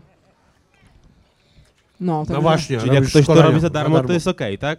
Nie, znaczy ja nie, ja nie, słuchaj, jeśli by ka kazali zakazać szkoleń, to bym był pierwszym, który by bronił prawa ludzi do opierdalania główien innym ludziom, którzy chcą to gówno kupić, bo mają do tego prawo, nie? Ja wychodzę tylko z takiej perspektywy, że ja chcę mieć swoje prawo do mówienia, że to jest y, głupie po prostu, nie? Ale to, co oni robią, bo nie robią nic nielegalnego, to jest ich sprawa. A jednocześnie ja mogę to obśmiewać, bo to jest po prostu śmieszne. Jest z mojej perspektywy mega śmieszne, bo jeśli dana, dana jednostka zarabiałaby na rynku, to zwiększałaby tylko wolumen i robiła coś jak Berkshire Hathaway albo kolejny fundusz. Tylko ten rynek jest mega konkurencyjny i ja się nie dziwię, że komuś nie chce się, jak, jak, jak jedynym jego celem jest zarabianie pieniędzy, to prędzej czy później, jeśli taki ma cel, nie, a nie ma jakichś wyższych a, swoich y, założeń, y, to rzeczywiście wpadnie na pomysł, że po co on ma szukać tych mieszkań i robić te no, flipy na mieszkaniach, skoro po prostu sprzeda tysiąc kursów po tysiąc złotych i ma tą bańkę, nie? To jest prostsze.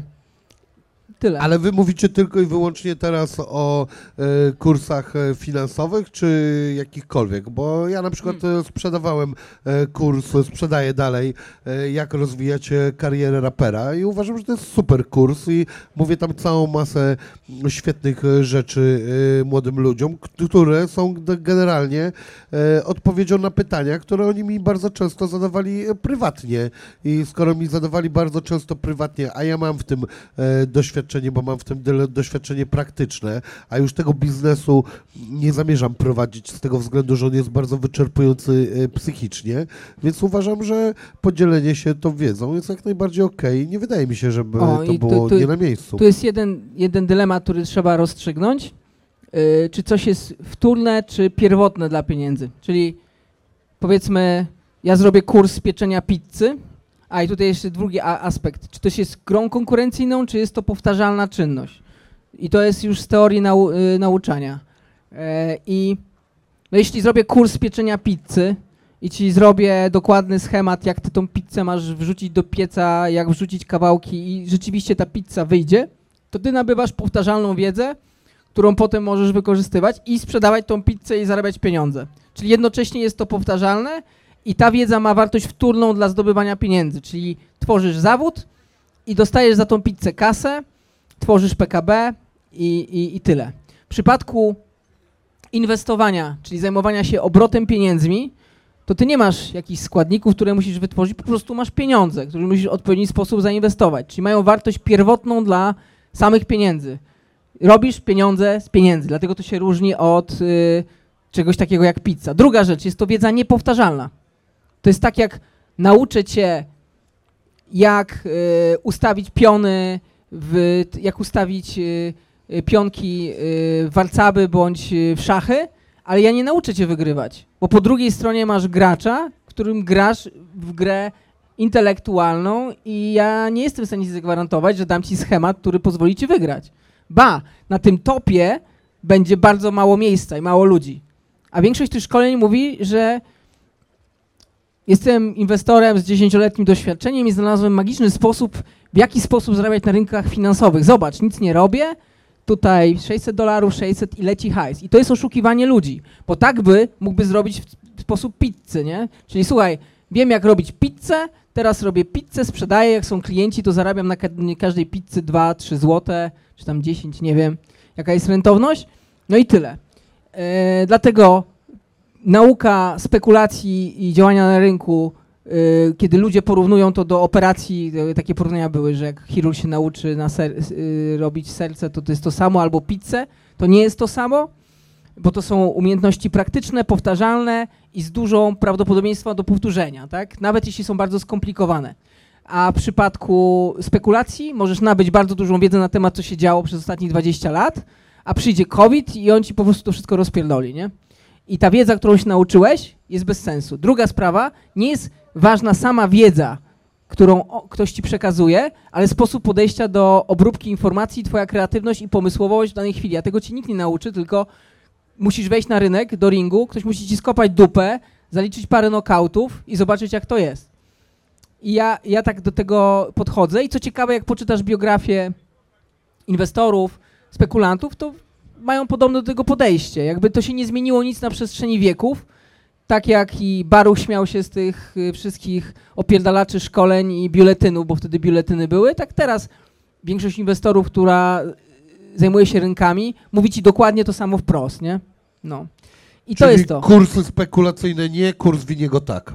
Y, No to, to jest praktyczna, znaczy praktyczna. Tu też jest jakaś doza prawdopodobieństwa, no ale, ale już inna na pewno niż y, sam rynek kapitałowy. I, I druga rzecz, najpierw musisz nagrywać piosenki, tak? Nauczyć się śpiewać, robić bity, y, mieć jakąś osobowość, wymyślić swoją postać i potem może z jakimś prawdopodobieństwem ktoś cię kupi, nie? Od Tak? tego się zaczyna ten kurs.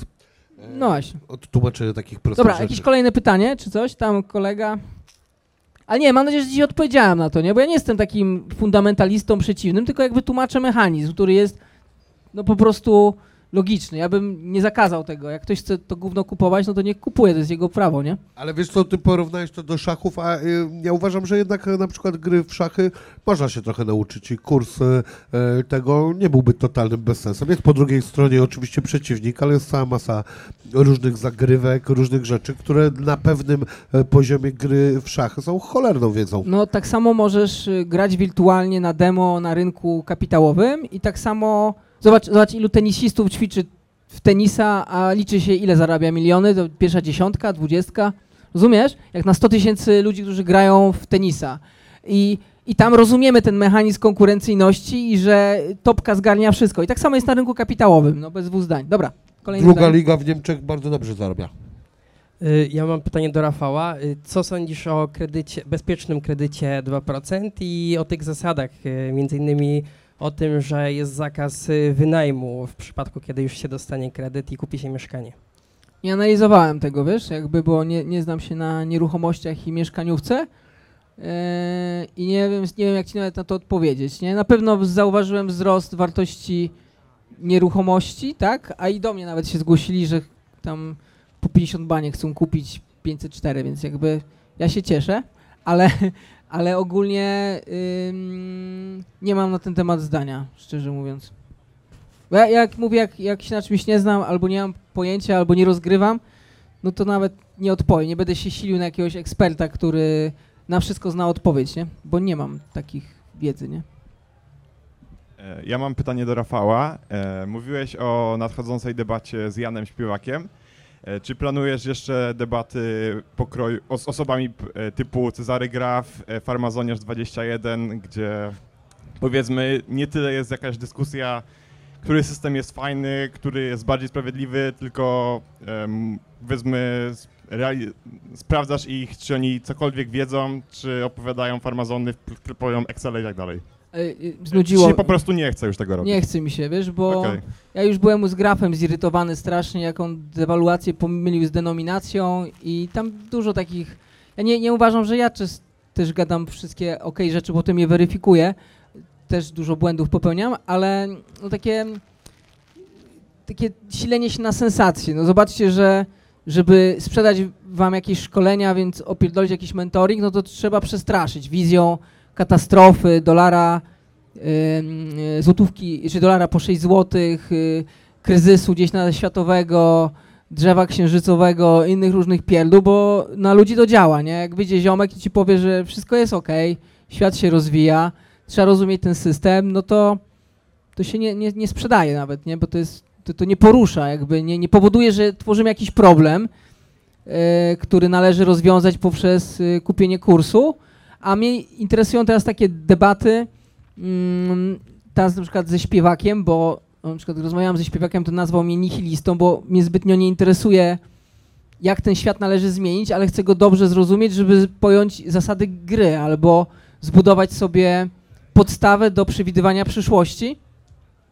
E, dobrze rozumiem ten system, nie? A jeśli ten system rozumiem w takich kategoriach, których mm, karmi mnie, karmią mnie media, no to za cholerę nie jestem w stanie zbudować jakiejś racjonalnej albo przewidywalnej wersji przyszłości, tylko ciągle mi wychodzi, że jakaś katastrofa jest i że w Polsce jest katastrofa, nie? I że, i że wszędzie. Więc jakby takie debaty mnie interesują, a to jest na, o tyle jest ciekawa, bo możemy zderzyć komunizm i mm, kapitalizm, albo socjalizm i kapitalizm, bo oba ustroje nie są dobre, a mnie interesuje w tym, w tym całym, w tej całej debacie, na ile jeden i drugi jest zniewala, zniewalający, i na ile nasz, ja uważam, że to jest pozytywne zniewolenie, bo powoduje, że po prostu idziemy do pracy i zapierdalamy na te kredyty i na te odsetki, więc nie siedzimy do góry brzuchem. E, I na ile jest e, pod tym kątem e, sprawiedliwe dla ludzi, że oni sobie zdają z tego sprawę, nie? Bo jeśli ty zdajesz z tego sprawę, że tak się system ekonomiczny toczy, no to, to gra jest w miarę czysta. A jeśli sobie nie zdajesz sprawy i uważasz, że jesteś wolny, to wtedy tak, w takim złudzeniu żyjesz, nie? Ale mówię, to jest bardzo pragmatyczne dla mnie. Ja chcę tylko przewidywać przyszłość, więc muszę zbudować sobie taką wizję świata, która jest aktualna i yy, z której każde rozważania prowadzą do yy, weryfikowalnych yy, wniosków bądź zdarzeń w przyszłości, nie? Wiem, że tak pierdolę czasami bez sensu, ale chyba zakręciłem się, chyba o to chodziło, nie? Okej, e, to może ja teraz. Ja e, nie z pytaniem, tylko z propozycją, bo podobno e, każdy majętny człowiek powinien mieć w pewnym momencie w swoim życiu swoją prywatną wyspę. I tak się złożyło, że e, mam swoją agencję nieruchomości w Belize i mamy tam bardzo dużo prywatnych wysypek w e, sąsiedztwie, na przykład Leonardo DiCaprio czy Billa Gatesa, także zapraszam, gdybyś na przykład na taką e, kiedyś myślał, żeby się przydała tobie. Ale właśnie sens tego, jakby, że tam pojadę sobie, będę siedział na plaży i z nikim nie będę gadał, albo Nie, generalnie zwrot jest bardzo duży z wysp, bo e, wyspy mm, cechują się tym, że jest bardzo duży rental, albo też ludzie robią na przykład e, różnego rodzaju sprzedaż e, procentową na zasadzie, że posiada 1% wyspy i sprzedają to jako udziały i tak dalej. Tam możliwości jest dużo. Ale tak sobie myślałem też o tym, że w pewnym momencie życia, jak e, posiadasz, nie wiem, dobrą furę, dobrą chatę i tak dalej, i tak dalej, i tak dalej, no to jako taki, jako jakiś taki aset osoby, która jest majętna, jest chyba w pewnym momencie, no, no co można mieć? No taka wysepka to chyba coś, co, Nie, coś nie. co... Źle klienta wyczułeś, to nie jest szpaner w ogóle, on nie ma żadnej fury, on ma hulajnogę, stary. nie mam prawka, także wiesz, jakby mnie, mnie takie rzeczy nie interesują. Ale manaty, na przykład manaty można zrobić, że tam e, pływają manaty i hulajnogą się jaram ratować na je. przykład, że sobie jadę w mieście, to jest fajne, nie? No, no może, ale ratowanie manatów, e, przyrody i tak dalej, to ogólnie Belize wspiera takie rzeczy, także tak czy siak, e, jakby nie było, to, to A zapraszam. Jakbym chciał zamówić pizzę w cudzie nad Wisłą, to ile by dotarło na tą wyspę? No to już byłoby trudno z tym. Nie, ja nie mam takich, wiesz co, marzeń. Ja uważam, że pieniądze jakby nie kręcą mnie w ogóle w żaden sposób. To szczę- często porównuje się do rolnika, tylko ten rolnik ma te pieniądze w y, kombajnie zbożowym i on może być warty milion, tylko my nie patrzymy na ten kombajn jako milion złotych jeżdżący po polu i zbierający ym, zboże, czyli generujący jakieś odsetki, kupony od tego, tego kapitału, który był zainwestowany w, w ten kombajn, a na spekulanta znowu się patrzy, inwestora, że te pieniądze mają inne znaczenie, one mają takie same znaczenie, czyli ten milion złotych to jest dla mnie taki kombajn po prostu. Więc ja nie, nie przywiązuję do nich większej wagi niż e, rolnik patrzący na swój kombajn zbożowy i nic więcej. Jak, jak nadajemy sobie wartość tym pieniądzom dużo większą, to, to, to jest gorzej. A mnie takie rozrywki jak jakieś wyspy, no nie, niezbyt interesują, to jest takie zbyt, zbytnie ego. Nie wiem, co bym tam robił w ogóle. No właśnie, musiałby przyjechać, e, spotkać tych Belizyjczyków, e, porozmawiać z nimi, e, żeby zrozumieć o co chodzi, dlaczego ludzie jednak kupują i jeżdżą takiej odległości od cud nad Wisłą, gdzie nie ma pizzy i nie ma Wiem, kolka do ale, zamówienia. ale zrozum, że jeśli, ale jednak tam jeżdżą i e, jeśli ja, kupują. tego, jak, ja tego nie rozumiem i jeszcze mam pojechać gdzieś i Dlatego się tego... zapraszamy, zapraszamy na, nauczyć. chwilę, żeby to zobaczyć. No, ale ja wolałbym na przykład sobie fajną deskorolkę kupić i to by było dla To mnie się nazywa lepsze. agresywna sprzedaż. Hej. Ale wiesz co, że ja, ja ci wymyślę, no już dla, dla, to dla was robię robotę, odpalicie mi jedną wyspę później. Zrobiłbyś sobie jakąś konfę taką na tej wyspie, może DiCaprio by wpadł, tam byś go widział e, na tym. Yo, DiCaprio, come on, Rafał is here, come on, I got some shit to you to say about speculation and shit. Nie wiem, jakaś taka wizja mnie dupem... Znaczy, można poje- wynająć sobie wyspę i pojechać, to jest chyba lepsze, nie? Mi się ciężko ruszyć z Warszawy, wyjść z mojej piwnicy, a do, dopiero jakąś wyspę pojechać. Tam nie ma internetu, nie wiem, co tam nie ma. Dużo rzeczy nie ma, nie? Jestem Mają człowiek- internet. Dobra, następne pytanie. A powiedz mi, Rafał, ile razy zbankrutowałeś I y, które, które bankructwo było takie najbardziej bolesne dla ciebie? I może jeszcze coś takiego, jak teraz spekulujesz, czy dużo, dużo lepiej opanowujesz swoje emocje, czy, y, czy nadal emocje odgrywają dużą rolę w tej spekulacji? No Na, na rynku to chyba z trzy razy, ale wiesz, te bankructwa z 90 lat wydają się... Ja to nazywam, że straciłem kapitał do gry cały, nie? Bo o to chodzi. Bo nigdy nie jest tak, że bankrutujemy na minus. Ja nie miałem zobowiązań jakichś takich, że musiałem je potem spłacać. Znaczy spłukałem się z kapitału, który miałem. Mm, tyle. Ten ostatni to w 2020 roku. I czułem się potem jednym z najszczęśliwszych ludzi na świecie, bo te pieniądze przestały mnie interesować. Jak je masz, to boisz się, że je stracisz, jak ich nie masz, to się już niczego nie boisz. Zweryfikowały mi miłości pewnie moje i przyjaciół i to też było fajne. No i też strach przed bankructwem. Ja teraz mogę zbankrutować, nie wiem, za rok, chociaż ciężko będzie, bo nieruchomości pokupowałem, bo też się nauczyłem, że warto. I tyle, nie? No, ale mm, ja, ja już nie mam emocji jakichś takich większych. W sensie, nawet jak tracę duże sumy albo zarabiam, to, to nie przywiązuję do tego wagi. I tak wszyscy umrzemy, słuchajcie, no to jakby lu- ludzie też bogaci nie zostawiają y, w pamięci niczego poza swoim bogactwem, a pieniądze nic nie znaczą. Zobaczcie, że w historii świata o wiele częściej są zapamiętywani poeci, artyści, y, jacyś mecenaci sztuki, y, wielcy wodzowie, ludzie, którzy coś rzeczywiście osiągnęli, stawiając na szali swoje życie, nie wiem, swój, swój, y, swój talent, a tutaj ja nie, ja nie szanuję ludzi dla samego faktu posiadania pieniędzy, bo to jest, nie jest aż tak skomplikowane, tak mi się wydaje, nie?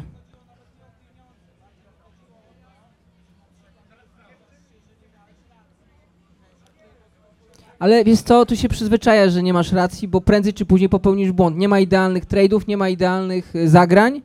Yy, są sytuacje nadzwyczajne, tak jak nie wiem, lata 70., kryzys naftowy, jak COVID ostatnio, jak Trump coś powiedział na Twitterze, więc zawsze ym, poruszasz się w jakiejś zmienności ym, z jakimś ryzykiem prawa Murphy'ego, nie? No i, i tyle. No nie, nie, jakby nie można się temu dziwić, no tak po prostu jest, nie? Albo en... Bitcoin 20 tysięcy będzie? ja nie zajmuję się, nie, nie gram bitcoinem w tym roku, nie? A, no tak. A to nie, to ten zakład już przestał być obowiązujący, bo już wybili ponad 25 tysięcy u Majka Satyszego. Nie, nie gram na CDR-ze, nie? Ale dobra, to, ale powiedz, co tam obstawiasz. Ja obstawiam Bitcoin 20, CDR 220. No to możliwe, nie? Ale nie wiem, CDR. Kiedyś pewnie. Dobra. Ma Marian y, powiedział, że tyle będzie, to pewnie będzie. Pogadali sobie kibole. No dobra, proszę Państwa, tu mi y, machają, że trzeba kończyć już te wszystkie szaleństwa. Są jakieś pytania takie poważne, jakieś takie... O, no widzisz, no pogadamy. Ale dobra, krótko, będę odpowiadał, a Czemu takie ty, Rafał, cały czas też poważne pytania? najgłupsze, najgłupsze nie- teraz. Ja w najgłupszych myślę, że całkiem wypadałem dobrze. Jest lepsze pytanie niż brzuszki, pierdziuszki i gilgotki? Ma Tylko- ktoś takie? Tylko trochę lepsze. Dawaj. E, takie pytanie, czy myślisz albo czy zauważyłeś, że są jakieś wydarzenia, które bezpośrednio nie są połączone z rynkiem, ale mają jakiś wpływ na cenę?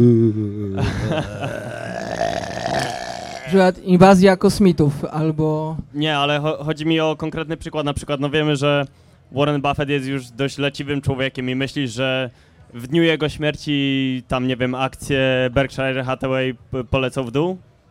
Mm. Jakkolwiek? Nie wiem, jakby nie zajmuję się Berkshire'em, ale pewnie pewna epoka się skończy, nie? Ale to podejście grahamowskie, on ma swoich tam następców, chociaż Manger jest od niego starszy, tam już setkę niedługo będzie miał. Mm, nie wiem, nie mam pojęcia, szczerze mówiąc. Ale widzę, że ludzie tańczą sobie już. Pogadamy na Silent Disco na pewno, nie? Tak? Ma być krótkie pytanie, to szybko.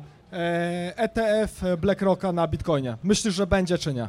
A ja myślę, zgoda że, czy nie? myślę, że BlackRock rozgrywa coś na Bitcoinie grubego i zakończy się to wojną stablecoinów i zgarnięciem kuponu z y, USDC i na to obstawiam. Nie wiem, kiedy to się wydarzy, może mm, we wrześniu, październiku, może później, ale ewidentnie Tether jest osaczany, a wiele osób, które widziało akcje spekulacyjne, to nawet potencjalny wzrost market capu na Tetherze to dla mnie jest pułapka na Tethera, gdzie będzie sprawdzana jego płynność. Taką tezę mam, rynek zweryfikuje, a BlackRock będzie rozgrywał y, stablecoiny i bitcoina y, z tego względu, że przynajmniej w stablecoinach przy takich stopach procentowych to można zarobić na zero kupowości tej kasy, którą przechowujesz, nie? I, I to jest prosty zarobek. I tam Wall Street pewnie się do tego przysca i też nie zapominajmy, że bitcoin to jest cyfrowy dolar i, i tak należy go y, traktować. Tak jak petrodolar to był też dolar, tylko że petro, a teraz mamy cyfrowego dolara w postaci bitcoina i wszystkich pochodnych, nie? Ostatnie pytanko, e, takie może bardziej filozoficzne. E, wielokrotnie mówiłeś na swoich jakichś tam streamach, że traktujesz grając na giełdzie jako spekulant pieniądze jako punkty w grze. I co to dla ciebie oznacza? Jakby bardziej z takiego właśnie filozoficzno-emocjonalnego punktu widzenia. To, że nie mogę y, Co ci przekładać... dodaje za boosta? No nic, no po prostu nie mogę spłacać tym kredytu, nie mogę, nie wiem, kupować za to marzenia albo wycieczki, bo potem to się źle skończy, nie? Także tyle w temacie. Coś jeszcze? O, tutaj jeszcze pani ma pytanie. Dobra, dasz radę.